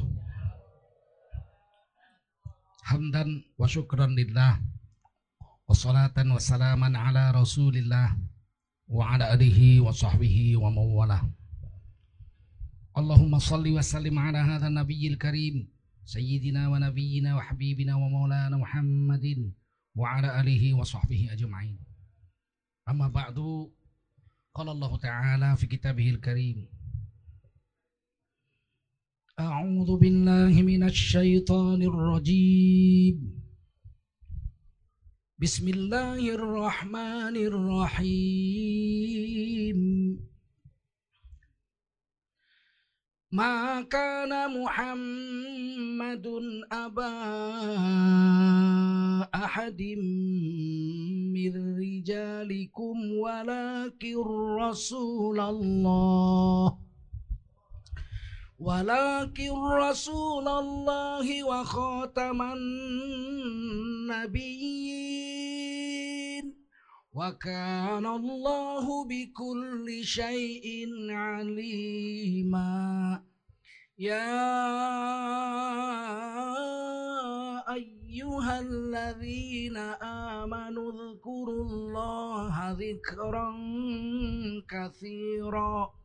وسبحوه بكرة وأصيلا قال رسول الله صلى الله عليه وسلم من خرج في طلب العلم فهو في سبيل الله حتى يرجع Baginda Rasul bersabda, siapa keluar untuk mendapatkan ilmu, orang itu adalah orang yang berjihad fi sabilillah sampai dia kembali ke tempatnya. Mudah-mudahan kita semua mendapatkan pahala jihad dari Allah Subhanahu wa taala. Amin. Sadaqallahul azim wa sadaqa rasuluhun nabiyul karim. ونحن على ذلك من الشاهدين والشاكرين والحمد لله رب العالمين Para ulama, tuan-tuan guru, para habaib yang dimuliakan Allah SWT. Ada Bangda Kiai Haji Zulfikar Hajar, ada Syekh Habib Haikal Al Idrus, ada Syekh kita Mufti Ahmad Nasihin, ada Abun Abun ini paman guru saya, paling senior di sini. Beliau mengaji kepada kakek guru saya di Aceh Selatan Labuan Haji. Ya. Syekh Mudawali, ya Syekh Mudawali. Itu guru Abun. Saya berguru kepada muridnya Syekh Mudawali. Tengku Kemala yang di Darussalam. Jadi saya keponaan guru. Ya, jadi keponaan saya paman saya ini Abun, satu-satunya paman guru saya yang masih hidup. Mudah-mudahan diberi barokah dalam usia beliau. Anak-anak saya banyak di sini ada Ja'far Sohir, pimpinan Al-Munziri pesantren, ada Muhammad Nazim, pesantren Siantar, ada anak saya, menantu saya, Wira Muhammad Solihin, pimpinan Ma'had Tahfizul Quran Rafiuddin di sini. Dan semua ada Ananda Ayub. Protokol. Protokol ini masih ipar saya lah ini. Jadi banyak kumpul kita semua di sini. Mudah-mudahan bapak-bapak ibu-ibu hadirin wal hadirat rahimakumullah. Kita semua dimuliakan Allah Subhanahu wa taala Siapa yang mengagungkan syiar-syiar agama Allah? Dzalika wa may yu'azzim wa may yu'azzim sya'airallah fa innaha min taqwal qulub. Allah katakan siapa yang mengagungkan syiar-syiar agama Allah, perbuatan itu muncul dari hati yang takwa kepada Allah Subhanahu wa taala. Tidak mungkin orang bejat mau mensyiarkan syiar-syiar agama Allah, tidak mungkin. Karena kata Allah yang mau mengagungkan syiar-syiar agama Allah itu adalah orang yang bertakwa, hati-hati yang bertakwa. Oleh karena itu dalam kitab Tanwirul Qulub Al-Imam Al-Ghazali menjelaskan, kita bisa ukur diri kita ini. Apakah kita manusia bejat atau kita manusia yang bertakwa? Bisa diukur. Lebih banyak bergabung di majelis-majelis kesolehan atau lebih banyak bergabung di majelis-majelis maksiat. Ukur aja. Ada majelis taklim, ikut kita enggak di situ. Ada majelis Quran, tadarus, ada di kita enggak di situ. Ada majelis-majelis zikir, ada enggak kita ikut situ. Ada majelis-majelis maulid Nabi, kita ada enggak gabung situ. Ada majelis-majelis idul kurban, sembelih korban, ada enggak kita gabung situ. Ada sholat berjemaah, adakah kita gabung situ. Adakah majelis-majelis selawat, adakah kita tergabung dalam majelis-majelis itu. Kalau iya, mudah-mudahan kita orang bertakwa. Tapi kalau majelis-majelis kita tuh majelis joget, ke kanan, ke kanan, ke kanan dan ke kanan, ke kiri, yang dijogeti bini orang.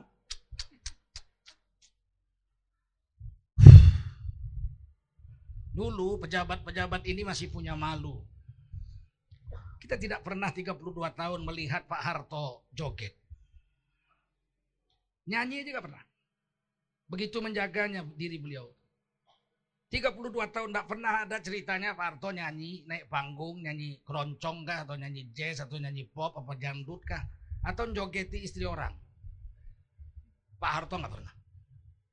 Pak Habibie gantinya nggak pernah. Gus Dur apalagi beliau kiai. Tapi Pak SBY nggak pernah kita lihat joget dangdut sama istri orang. Yang ini aneh. Selalu udah habis rapat pasti main keyboard. Ke kanan, ke kanan, ke kanan. Akhirnya diturun lah karena dari atas begitu sampai ke bawah begitu. Ingat-ingat pesan Imam Ghazali. Kalau pada majelis-majelis maksiat kau tergabung di situ, berarti kau bukan orang bertakwa. Itu aja. Hidup ini bisa diukur kok. Oh yang tahu itu Allah semuanya. Ya Allah tahulah Allah maha tahu. Tapi kita itu diberi gambaran oleh Rasul, diberi batasan-batasan oleh para imam, para ulama-ulama kita. Diberi itu. Dalam kitab Ihya juga Imam Ghazali menulis, apabila orang-orang alim sibuk dengan yang halal, rakus dengan yang halal, maka orang-orang awam akan rakus dengan yang makruh. Kalau para ulama sibuk dengan yang makruh, rakus dengan yang makruh, maka orang-orang awam akan sibuk dan rakus dengan yang haram. Kalau para ulama, tuan-tuan guru sudah rakus dengan yang haram, maka orang awam murtad dari Islam. Kata orang awam, nggak ada agama itu. Apa agama itu? Wong tadi malam saya melacur ketemu sama Kiai Anu kok. Dia rupanya seleranya yang gemuk. Aku selera yang kurus. Sebelah-sebelahan kamar kami berzina. Nggak ada agama itu lagi. Tak ada agama katanya. Kalau sudah ulama mau makan uang haram, orang bilang, alah udahlah, yang haram aja payah didapat, apalagi yang halal. Alah, kemarin kami sama sama ulama, sama-samanya kami dapat ini, begini, begini, begini, begini. Nggak ada agama itu. Agama itu cuma di atas kertas saja. Yang penting kenyang, tenang, menang, habis. Hati-hati kita. Hati-hati. Ini akhir zaman. Akhir zaman ini innal islama bada'a ghariban wa sayaudu ghariban. Sesungguhnya Islam mula-mula datang aneh dirasa. Dulu orang kalau mau berzina zina aja. Disediakan fasilitas sama bapaknya. Beberapa golongan orang jahiliyah kalau anaknya udah cukup umur dibikinkan kamar di depan tancap bendera depan rumahnya. Artinya apa? Ini anak sudah siap dibuahi. Maka berduyun-duyun laki-laki yang bujangan menzinahi anak ini. Sampai hamil, udah hamil stop. Stop, stop. Anak sudah hamil. Ah, ditunggu lahir anaknya, dilihat wajahnya. Wah, ini mirip si Joko nih. Panggil kok, ini anakmu, bawa pulang istrimu. Jadi selesai. Gila bener. Disediakan tancap bendera. Mau berzina bilang aja mau ke mana? Mau zina. Mau ke mana? Mau bunuh orang. Mau ke mana? Mau mabuk. Nggak peduli mereka. Terang-terangan aja mereka mau jahat. Istri nggak ada harganya dulu istri. Istri boleh digade zaman dulu. Nikah, nah nikah, dah. Kepepet nggak ada duit, bawanya istrinya tempat temannya. Udin, ah nih bini gua. Pinjam dulu 300 ribu. Kenapa? Loh, jaminannya apa? Bini gua. Sampai kapan? Sampai gua tebus, nanti bini gua gua ambil lagi. Selama belum ditebus, ya udah sama kamu aja bini saya. Betapa gilanya zaman itu. Kalau kita mau ceraikan istri, cerai aja. Udah pulang kau ke rumah bapakmu, angkat bajumu pulang. Nggak ada urusan, nggak dapat apa-apa, harta-harta nggak ada. Saya suka-suka hatinya aja. Tapi kemudian datang Islam. An-nikahu sunnati faman lam ya'mal bi sunnati falaisa minni. Nikah itu sunnahku kata Nabi. Siapa berani melakukan hubungan suami istri tidak melewati pernikahan. Bukanlah orang itu dari umatku. Jadi kalau mau ya nikah. Saya nggak mau, saya nggak ada nafsu, nggak bisa saya hubungan sama perempuan. Nggak usah nikah, nggak berdosa kau.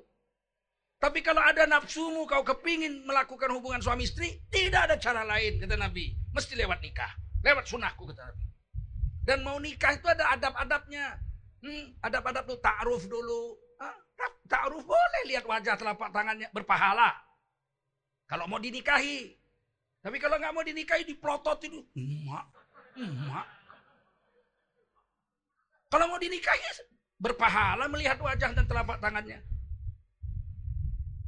Taruf, cocok, khitbah, dilamar. Boleh ditentukan waktunya kapan. Dan haram hukumnya, keluar hadis Nabi, haram hukumnya melamar perempuan yang sudah dilamar orang. Sampai si pelamar itu memutuskan gak jadi, baru boleh dilamar lagi. Ada hukum-hukum. Nikah, udah nikah mau cerai, cerai. Abghadul halal, indallah atolak. Ada benda yang halal tapi paling dibenci Allah yaitu cerai.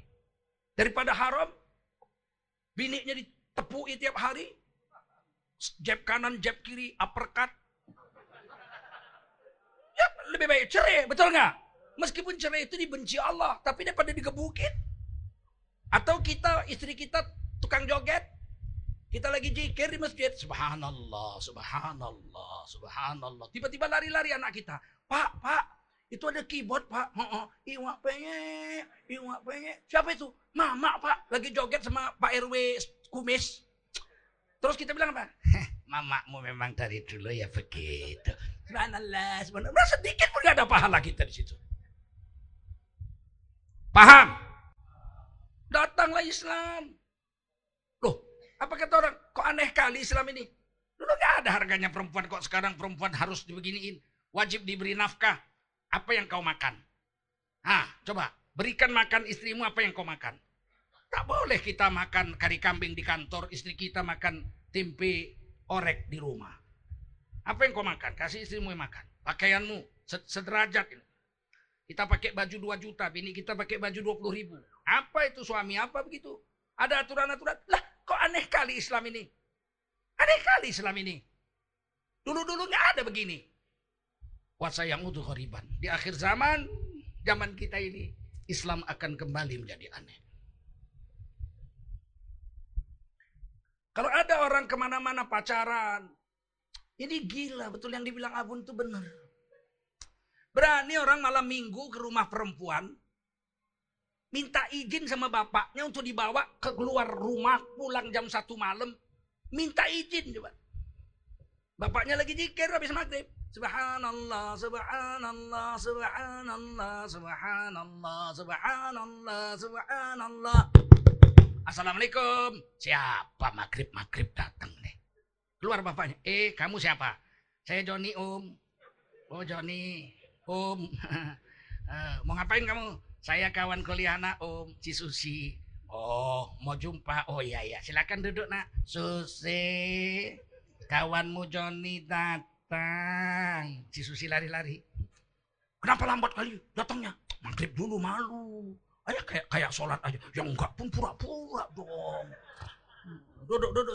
Silakan duduk nak Joni sama Susi. Om mau meneruskan jikir dulu. Bapaknya jikir di kamar. Subhanallah, subhanallah, subhanallah, subhanallah. Anaknya diunyel-unyel. di ruang tamu.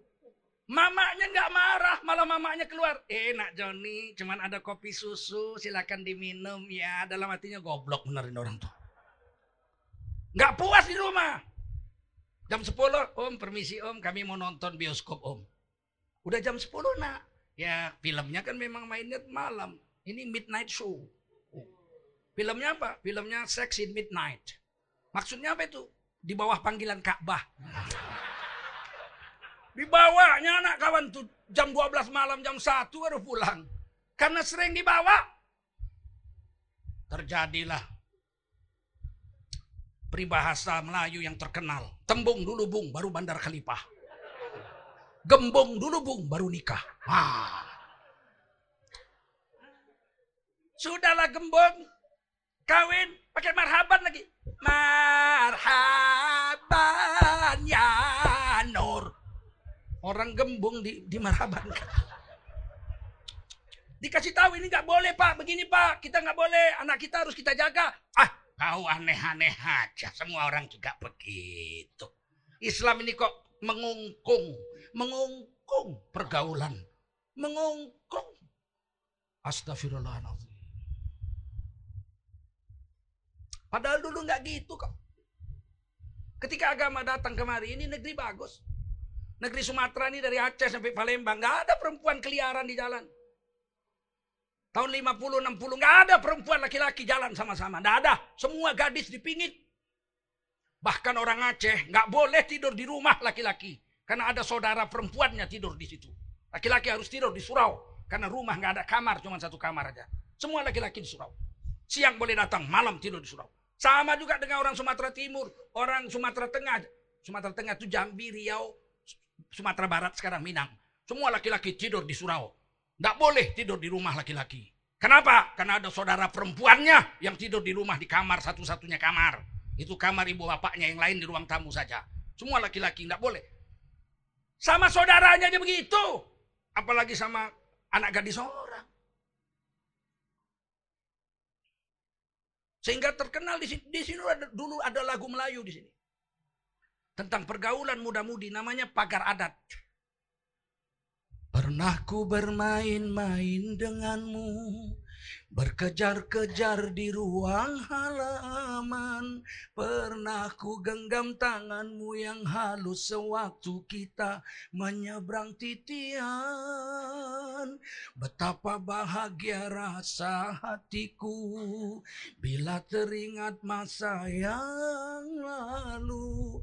Lalu terdengar ibumu memanggil dan menghimbau Kau kembali pulang tapi setelah dewasa lain pula sikapnya. Tiada boleh berjumpa di pagar adat kita Bilakah gerangan masanya nanti dapat kita berjumpa kembali esokkah setahun lagi entahkan begini selama-lamanya. Kau kalau mau jumpa datangi bapaknya lamar, mau kau pegang sampai mati silakan kau bikin. Kalau kau nggak kawini jangan coba-coba. Kok aneh betul ya? Eh, semua orang nggak begitu lagi kok. Islam di akhir zaman kembali menjadi aneh. Dulu guru-guru kami nggak ada yang mau disuap di sini. Saya cerita satu Syekh Azra'i Abdurrauf guru saya. Paling saya cintai ini Tuan Syekh ini. Al-Hafiz. Dari beliau lah saya dapat sanad Quran. Sampai ke Rasul. Pegangnya kepala saya. Kamu murid saya dunia akhirat nak. Dua muridnya yang boleh cium tangan. Tengku Zulkarnain dengan Sarifuddin cucunya. Satu hari datang pejabat wali kota Medan datang ke rumah beliau. Saya datang, saya ngaji kapan aja, asal lewat belok. Gak ada, seminggu-seminggu sekali, dua minggu gak ada. Asal lewat saya lihat belok. Ada tamu, saya lihat. Apa katanya? Terserah kalian lah. Rupanya tamu itu minta tanah Ustadz Azra'i yang di seberang sungai Deli, dekat sung, pinggir sungai. Itu bambu-bambu itu beliau punya. Di situ dulu surau beliau menghafal Quran dengan adik beliau, Syekh Asmui. Diminta wali kota mau dijadikan taman. Taman taman lah, ada lampu-lampu, ada tempat duduk-duduk, taman bagus. Pinggir sungai Deli, menghadap sungai Deli, mau dibikin taman. Ustaz Azra'i mukanya nggak senang, merengut. Terus bagaimana Ustaz? Ya begitu aja lah, terserah kalian. Kalian kan pejabat. Negara ini kan kalian punya. Mau kalian bikin-bikin, mau kalian ambil-ambil. Silakan, kekuasaan di tangan kalian. Tapi ingat, kalau kalian tanya izinku sampai dunia kiamat tak kuizinkan. Menggelutar wali kota Medan. Kalau berjenggot sama jenggot, jenggotnya gemetar. Pulang. Saya di situ. Ditengoknya ngaji nak. Berubah. Lembut. Begitu gerang garangnya tadi.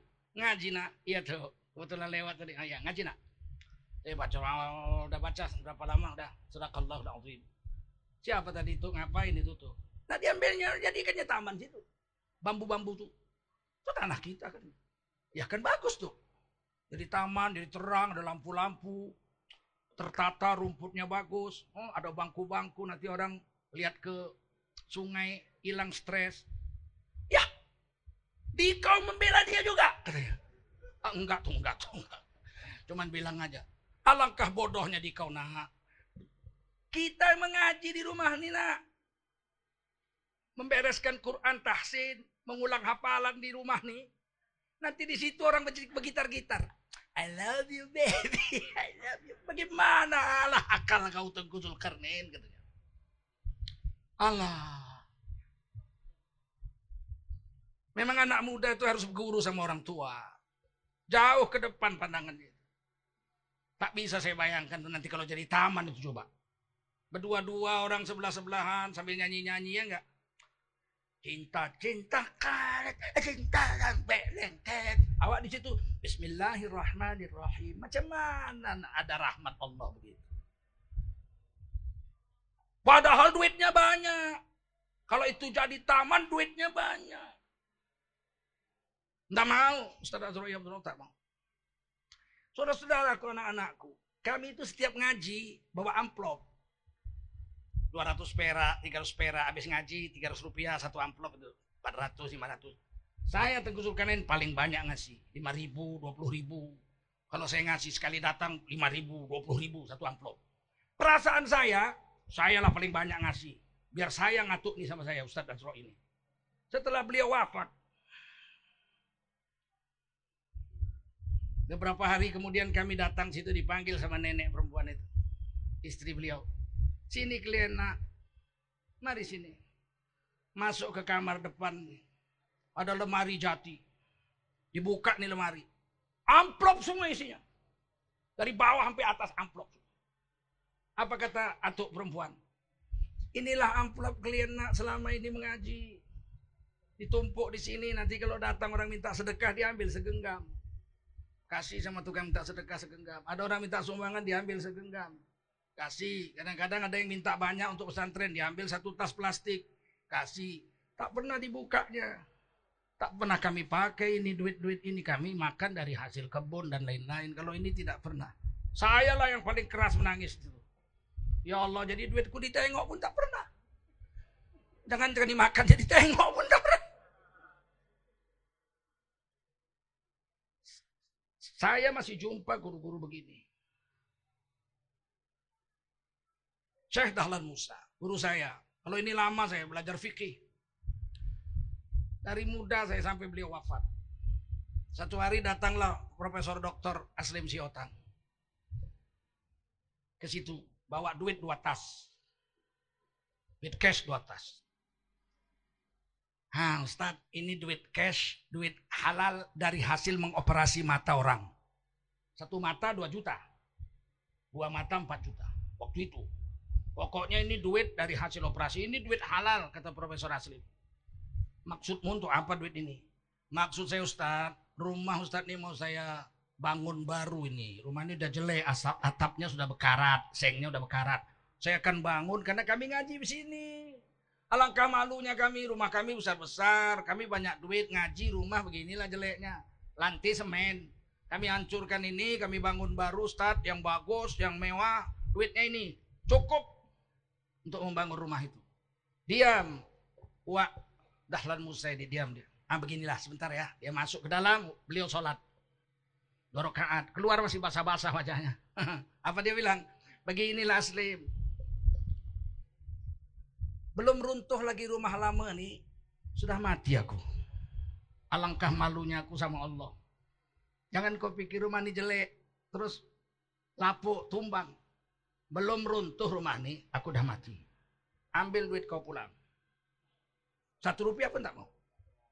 Ketika beliau wafat, beliau minta dipikul. Jangan dibawa pakai mobil mayatnya. Inilah anu apa namanya penghargaan terakhir dari murid-murid. Tolong dipikul jenazahnya jalan kaki dari Darussalam ke Sungai Batu Gingging. Kami pikul rame-rame. Saya lihat dokter Aslim berdiri depan rumah beliau, nggak mau jalan-jalan. Orang udah jalan, saya datangi, saya lihat nangis beliau. Ayo Pak Dokter, kita jalan. Kawan-kawan udah jalan. Ditengok rumah tuh. Terus apa kata beliau? Ustaz, betul kata guru kita ya. Belum runtuh lagi rumah ini sudah wafat guru kita. Ditengoknya seng bekarat. Seng itu bekarat Ustaz. Tapi belum tumbang lagi rumah ini guru kita udah wafat.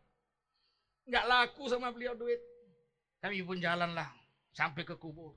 Begitu jenazah dimasukkan, dibuka mukanya mau dimasukkan, mau diciumkan ke tanah. Berkeluar cahaya kuning seperti emas dari wajah beliau. Padahal tengah hari, terik, jam 2 siang. Di bulan Ramadan. Seminggu sebelumnya wafat, guru kita juga Syekh Mahmud Syihabuddin. Seminggu sebelum Ramadan. Tuan guru kita ini Wak Dahlan seminggu setelah Ramadan, sisa selisih dua minggu saja. Nah ini saudara-saudara yang mulia, kami masih jumpa guru-guru seperti itu di Sumatera Utara ini. Kalau kami ngaji nggak bayar, ngaji tempat Tuan Mahmud Syabudin itu habis ngaji dikasih makan nasi goreng, kasih makan nasi goreng pakai telur. Saya ingat yang dibahas kita mahal di terakhir sampai jilid dua sebelum beliau wafat. Saya dengan bangga tuh ngaji, wah dapat duit banyak, kasih 20 ribu. Besok beef stick. Minggu depan nasi gorengnya nggak pakai telur, pakai beef stick. Gak ada dimakannya duit kami. Hidup berkah guru-guru kita. Hari ini orang-orang yang seperti ini akan dibilang aneh, sok suci. Orang nggak malu-malu lagi sekarang ceramah pakai tarif. Kalau nggak bayar segini nggak bisa saya datang. Bagaimana hari ini agama nasibnya? Kalian generasi muda, anak-anakku, santri-santriku semua, kalian jaga ini harga diri agama di negeri ini. Siap? Jangan kalian hargakan agama dengan duit. Seluruh dunia dan isi-isinya ini, kalau dibanding agama, tidak ada apa-apanya. Kata Nabi, rakaat al-fajri khairul laka minat dunia wa mafiha. Sholat dua rakaat, sholat sunat sebelum subuh, lebih baik dari seluruh dunia dan isi-isinya. Apa artinya dunia ini? Dengan dua rakaat sholat sebelum subuh, lebih baik nilainya di sisi Allah daripada seluruh dunia dan isi-isinya. Kalau kita ucap subhanallah, subhanallah, tumbuh satu pohon di surga. Dalam kitab Riyadus Salihin dikatakan besar batangnya. Tidak selesai dikelilingi kuda 100 tahun. Besar batangnya. Cara menanamnya orang beriman dengan satu kalimat. Subhanallah di dunia. Semua ucapkan subhanallah. Kalian semua dapat satu pohon di surga. Saya dapat satu hutan. Karena saya yang suruh kan. Sekali lagi, subhanallah. Kalian dapat dua pohon, saya dapat dua hutan. Pohon kayunya tidak selesai dikelilingi kuda 100 tahun batangnya itu. Apalah artinya dunia ini? Kita punya satu istri solehah. Istri yang taat sama Allah sama Rasul. Menyenangkan hati kita ketika kita sedih. Memberi semangat kepada kita ketika kita lemah beribadah. Menjaga harta dan harkat dirinya ketika kita tidak ada di rumah. Itu kata Nabi. Ad-dunya mata wa khairul mata'iha al-ma'atus salihah. Dunia ini memang perhiasan. Tapi perhiasan termahal di dunia adalah seorang istri yang solehah. Paham Glenn? Biar jelek asal solehah. Syukur-syukur dapat cantik solehah. Paham? Ini mau kawin kalian cari yang hidungnya mancung, kulitnya putih. Tapi Salome.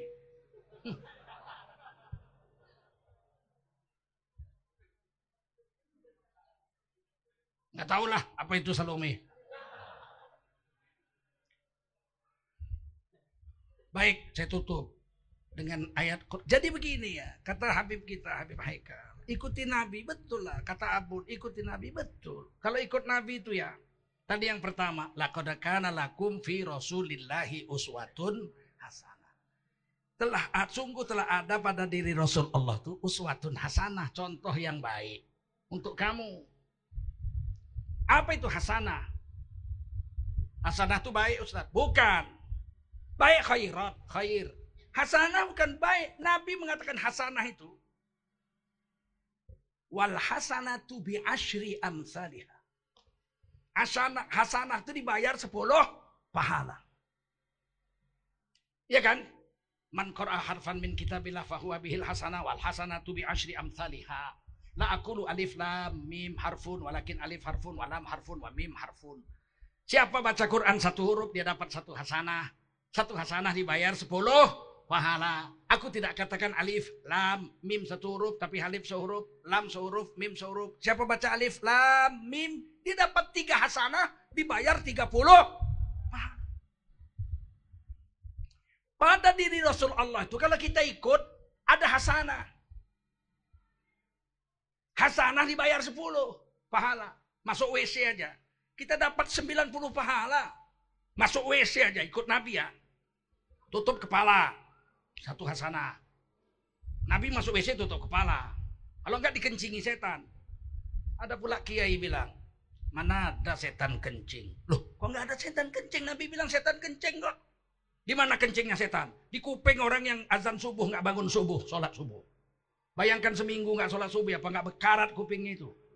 Kalau ditanya di mana setan kencing? Di kuping orang yang mendengar azan tidak sholat subuh. Terus ada kiai bilang, kalau setan kencing bentuknya macam mana? Jadi setan lah kau biar kau tahu bentuknya.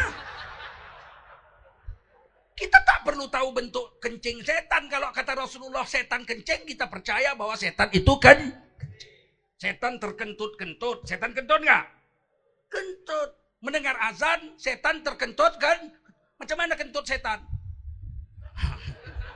Ya, Jadi setan. Kadang-kadang kiai ini banyak aneh-aneh. Saya dengar tuh di Youtube. Alah. Aneh-aneh. Tutup kepala, satu hasanah, sepuluh pahala. Langkahkan kaki kiri, satu hasanah, sepuluh pahala. Baca doa, Allahumma inni a'udzubika minal khubthi wal qaba'ith. Tiga hasanah, tiga puluh pahala. Jongkok, buang air kecil.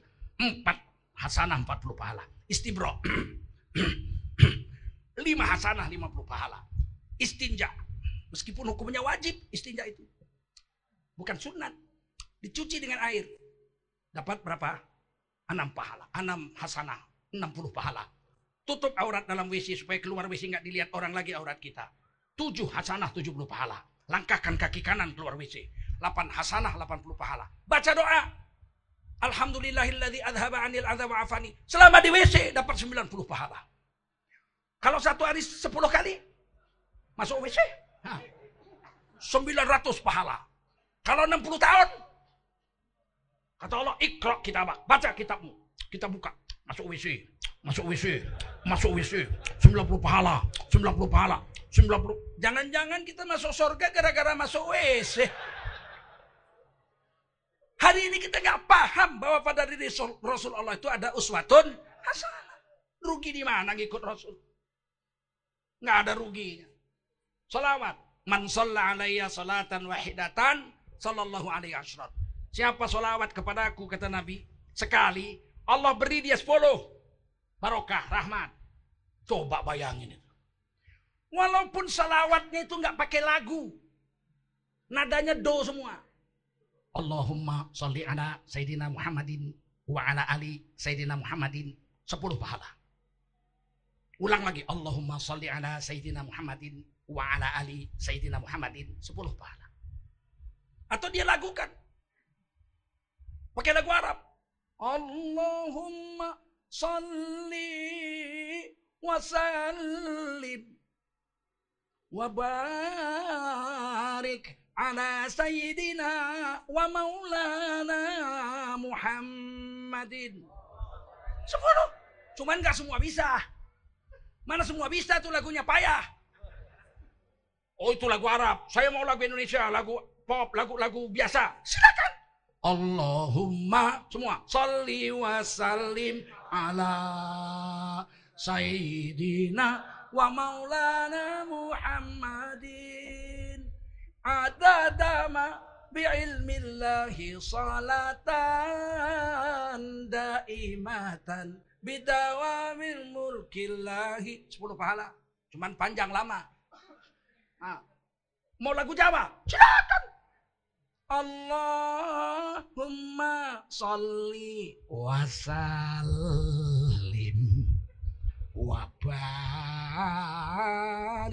ala sayyidina wa maulana Muhammadin.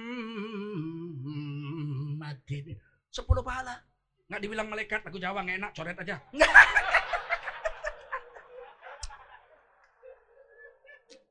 Paham? Oh, kalau Quran yang coba-coba aku tampar mulutmu.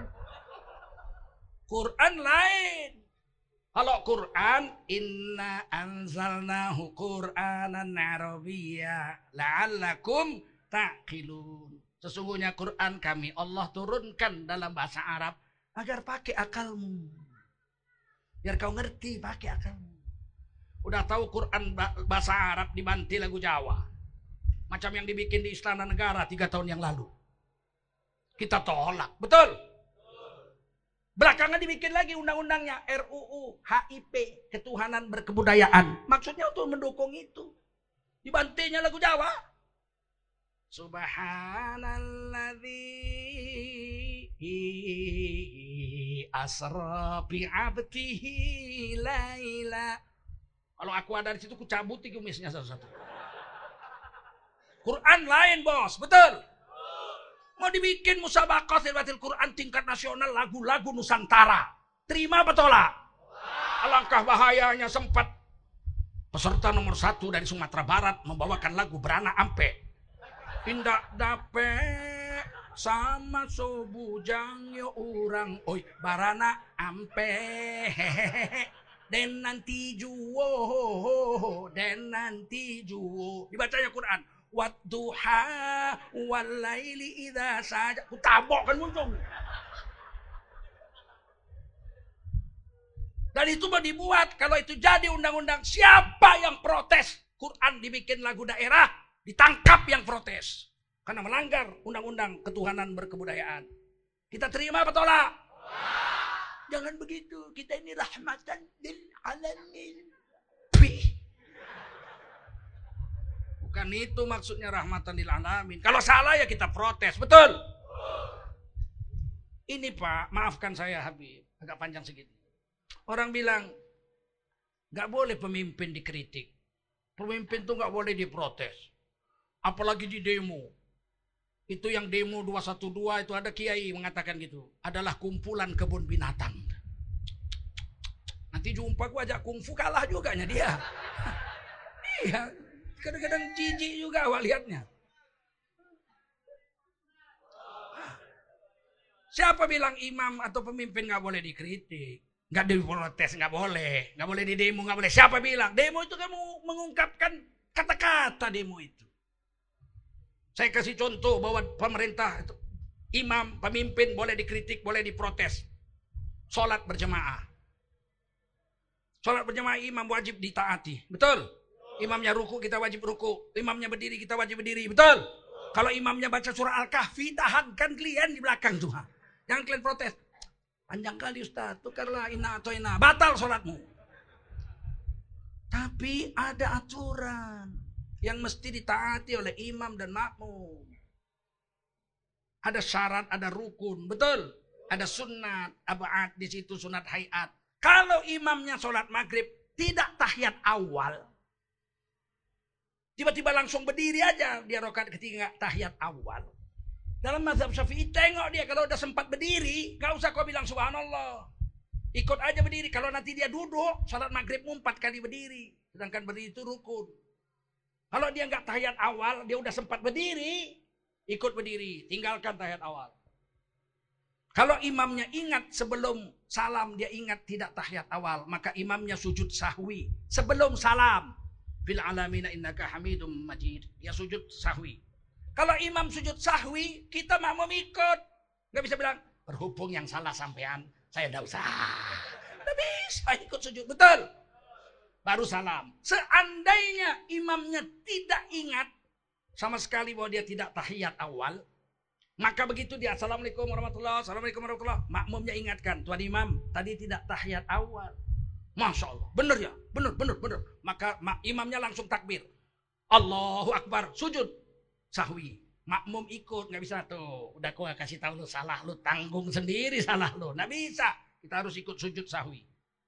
Kan dikasih tahu, betul? Betul? Itu kalau sunat.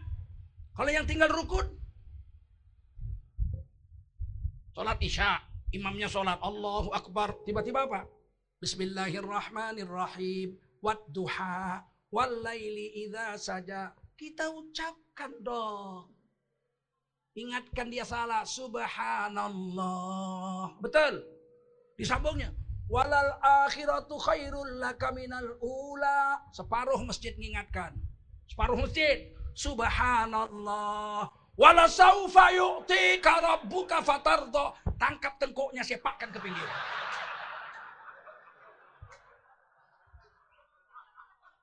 Paham? Jangan bilang, nggak boleh, nggak boleh apa? Sholat aja boleh nyepak pemimpin kok. Apalagi di luar sholat, betul nggak? Ngerti? Oh itu kan imam Pak Nabi. Nabi pun pernah memberi pelajaran. Saking cintanya Allah. Nabi sholat zuhur dua rakaat salam. Siapa berani negur Nabi? Nah, ada satu pun berani. Semua nengok, tengok-tengokan. Bilang, tadi cuma dua rakaat.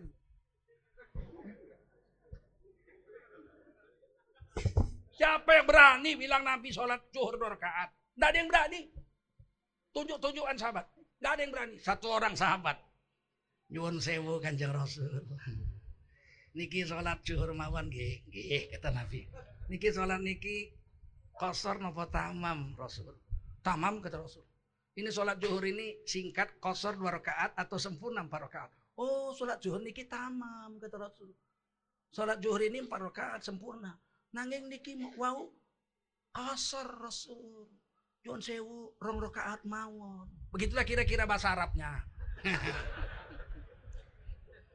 minta maaf Rasul ini sholat dipendek atau sempurna? Sempurna kata Nabi. Tapi minta maaf ya Rasul, seribu kali minta maaf. Sholat ini zuhur dua rakaat tadi. Maka Rasul tanya sahabat, berapa rakaat? Dua ya Rasul. Berapa rakaat? Dua ya Rasul. Berapa? Dua. Rasulullah berdiri. Allahu Akbar nyambung rakaat ketiga. Sampai rakaat keempat. Kemudian Nabi sebelum salam sujud sahwi. Sahabat semua sujud sahwi. Apa kata Nabi? Allah sengaja membuat saya lupa hari ini. Untuk mengajarkan kepada kamu bagaimana caranya melakukan sujud sahwi. Begitu agungnya Rasul. Masih dikasih tahu oleh sahabat Zulyadin. Radhiallahu hadis ini hadis Bukhari. Ini Nabi pun tidak. Tukang serut kayunya dia. Ah, nggak boleh dikritik. Allah Allah. Mentiko kali pun kau.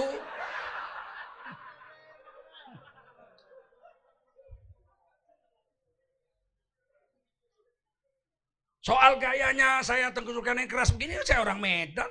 Orang Medan kan memang begini, Beb. Kami orang Medan begini, tak senang kau. Ya. Ku cekek kan batang leher kau nanti. Itu orang Medan. Betul.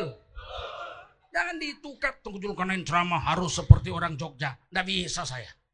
Kalau mau seperti orang Jogja, panggil orang Jogja kemari ceramah. Kalau tengku begini beginilah. Buka kulit tanpa isi, ya enggak? Ya begini. Tapi Rasulullah, sahabat Nabi ada yang seperti saya. Pasti ada sahabat Nabi yang modelnya seperti saya. Percaya nggak? Percaya nggak? Ada sahabat Nabi yang seperti saya pasti. Tapi ada juga sahabat Nabi yang seperti Habib. Ada sahabat Nabi yang seperti Ustadz Mukti. Ada dong, betul nggak? Ada. Tapi nggak ada sahabat Nabi yang mencela menceli. Jamin nggak ada. Semuanya radhiyallahu anhum ajmain. Betul? Nggak ada itu. Hari ini ubi, besok tape. Nggak ada sahabat Nabi begitu. Sekali tidak, tidak sahabat Nabi sampai hari kiamat. Betul? Kalian begitu? Paham? Ini mau milih wali kota nih.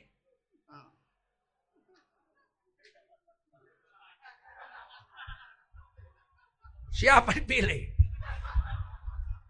Pilihlah orang yang diusung partai yang tidak merusak agamamu. Kalau saya yang nomor satu saya lihat partinya siapa. Itu aja dulu. Sempat mau dibikinnya Pancasila jadi kebudayaan, ketuhanan berbudayaan, ngapain pula aku dukung-dukung dia. Ini kalau nggak keluar, ngapain? Nggak usah datang sini. Kak Pak Akhir ini kalau belum keluar dari PDI, ku siapkan ini anak-anak FPI ini. Kalau datang jangan kasih masuk sana. Nggak ku kasih majelis ini. Hakku lah orang di tempatku kok, betul nggak? Nggak aku kasih. Merah kau. yang nggak bisa.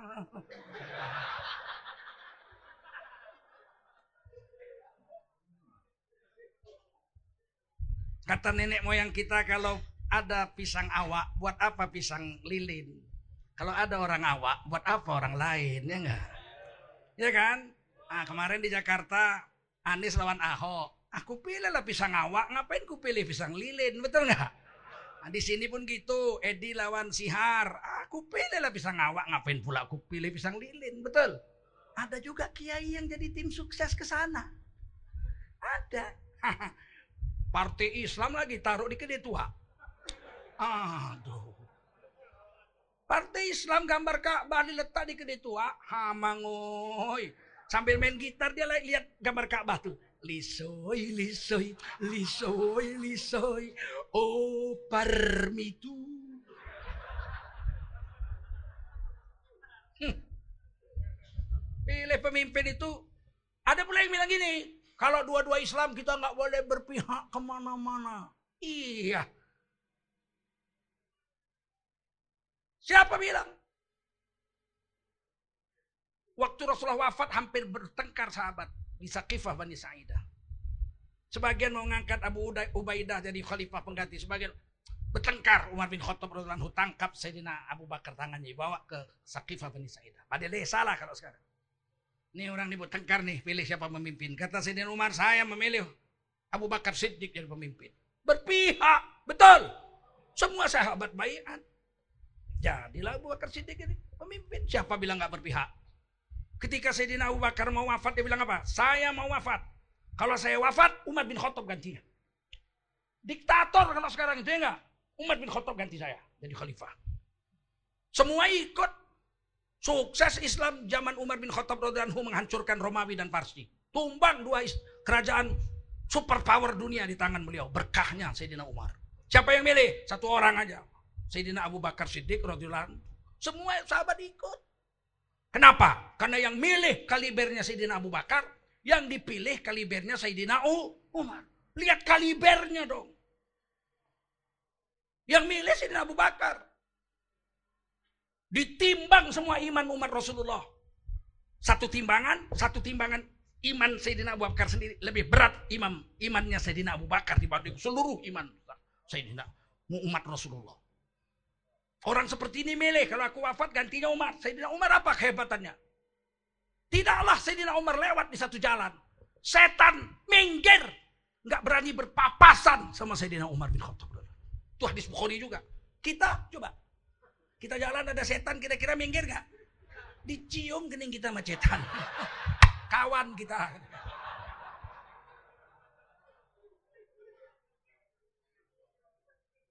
Berpihak apa enggak? Berpihak. Ketika yang paling jelas ketika Sayyidina Ali dengan Sayyidina Muawiyah. Sahabat berpihak. Sayyidina Abu Musa al-Ash'ari berpihak pada Sayyidina Ali. Sayyidina Amr bin As radhiyallahu berpihak kepada Sayyidina Muawiyah. Kurang hebat. Siapa rupanya Amr bin As? Ih, orang hebat, orang besar. Gubernur Mesir. Siapa rupanya Sayyidina Muawiyah? Adik ipar Rasul. Istri Nabi SAW, anaknya Sayyidina Abu Sofyan. Namanya Umi Habibah. Di, namanya Umi Ramlah, gelarnya Umi Habibah. Beliau ikut suaminya Abdullah bin Jahash, anak adiknya adik Abdullah bin Jahash, Ubaidillah bin Jahash. Hijrah ke Ethiopia di tengah kota sana suaminya murtad masuk Kristen. Terlunta-luntalah seorang wanita cantik jelita, anak bangsawan Quraisy, pemimpin besar pasukan jahiliyah kafir Quraisy, Abu Sofyan masih kafir waktu itu. Anaknya terlunta-lunta di negeri orang, dinikahi Nabi. Dinikahi Nabi. Jadi istri Nabi digelar Umi Habibah. Radhiyallahu anha. Anak Abu Sofyan, adik Umi Ramlah ini. Sayyidina Muawiyah bin Abi Sofyan. Adik ipar Rasul itu, penulis wahyu itu. Maka kita ahli sunnah tidak ber, tidak berani menghukum kedua-duanya. Betul nggak? Tidak berani kita menghukum kedua-duanya. Cinta sama Sayyidina Ali. Oh, digores hati ini. Sayyidina Ali isinya. Kalau ada Sayyidina Ali di sini, datang orang membunuh. Mana Sayyidina Ali kubunuh? Bunuh Tengku Zulkarnain dulu. Tidak bisa, apalagi Rasul. Sayyidina Ali gak boleh kau sentuh rambutnya. Tapi kan sahabat berpihak. Kita nggak boleh menuduh sana sini. Paham? Kita berpihak. Ini calon wali kota ada dua. Berpihak saya. Berpihak sama pendukung partai apa. Ini kan sama-sama pisang awak, Pak. Betul. Kalau sama-sama pisang awak, ini sama-sama Nasutionnya. Betul. Kalau sama-sama pisang awak, nenek moyang saya memberitahu. Kalau ada yang masak pohon, buat apa yang masak di karbet?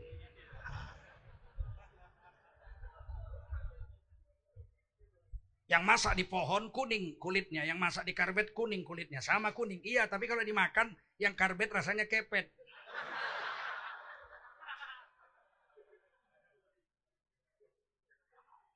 Paham? Nah, itulah agama kita yang penting agama kita hidup. Dan saya adik saya ini. Akhirnya adik saya, Pak Akhir ini. Sama-sama di USU, saya 82, beliau 86.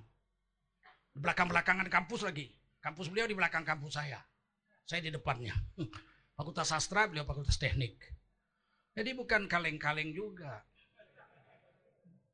Paham? Kalau anak-anak, tunggulah masak dulu masih 28 tahun. Tunggu 10 tahun pun belum 40 umurnya. Sedangkan Nabi diangkat jadi Nabi umur 40. Kurang masa apa Nabi? Tadi ceritakan Habib. Dari kecil Nabi udah ditempa. Kehilangan ayah, kehilangan ibu. Kehilangan... Uh, kurang mateng apa? Jalan dibawa pamannya berdagang ke Syam umur 12 tahun. Bayangin itu terik matahari itu. Uh, kurang apa? Hebat apa Nabi? Umur 25 bawa dagangan Ibunda Khadijah. Jadi pimpinan rombongan. Kurang hebat apa Nabi? Perang Fijar ikut Nabi Perang Fijar dalam sejarah. Mengumpulin panah-panah untuk paman-paman beliau. Kurang mateng apa? Diangkat Allah umur 40. Gak bisa rupanya Nabi diangkat umur 25. Bisa tapi ini untuk ibrah sama kita. Hei, angkat orang yang umurnya mateng. Jangan pemimpin anak-anak. Imrotus Sibian, pemimpin anak-anak itu paling ditakuti Nabi itu. Main karbet aja. Paham? Nah, ini cerita politik dikit nggak apa-apa. Boleh. Ini kan tempatku ini. ah, tuan rumah ini enggak. Ah, itu aja lah saya pikir. Ah, saya tutup. Kalau kita cinta sama Allah, ikuti Nabi. Fattabi'uni yuhibbukumullah. Kalau ikut sunnah Nabi, pertama dapat uswatun hasanah, dapat hasanah 10 pahala. Kedua dapat mahabbah. Dapat cinta dari Allah dan Nabi. Mahabbah yuhibbukumullah.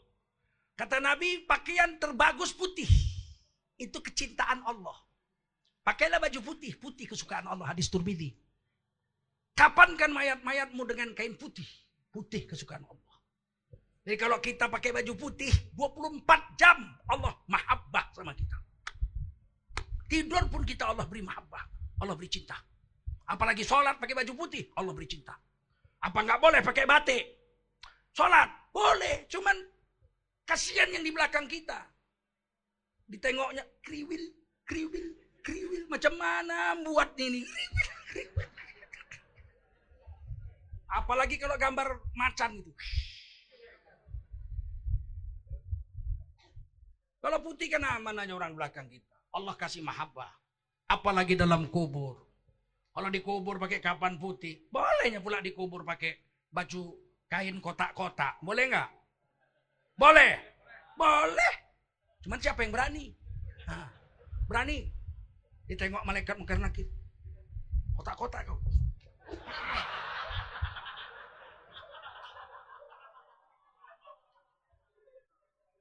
Meskipun baju putih sunat, kapan berwarna putih sunat, nggak berani orang meninggalkan sunnah Nabi yang hukumnya sunat sekalipun. Betul? Apa nggak boleh pakai baju merah? Boleh. Cuman yang suka PDIP. Udah dua ya. Suatu dapat hasanah, dapat mahabbah. Wa yaghfir lakum dzunubakum, dapat magfirah.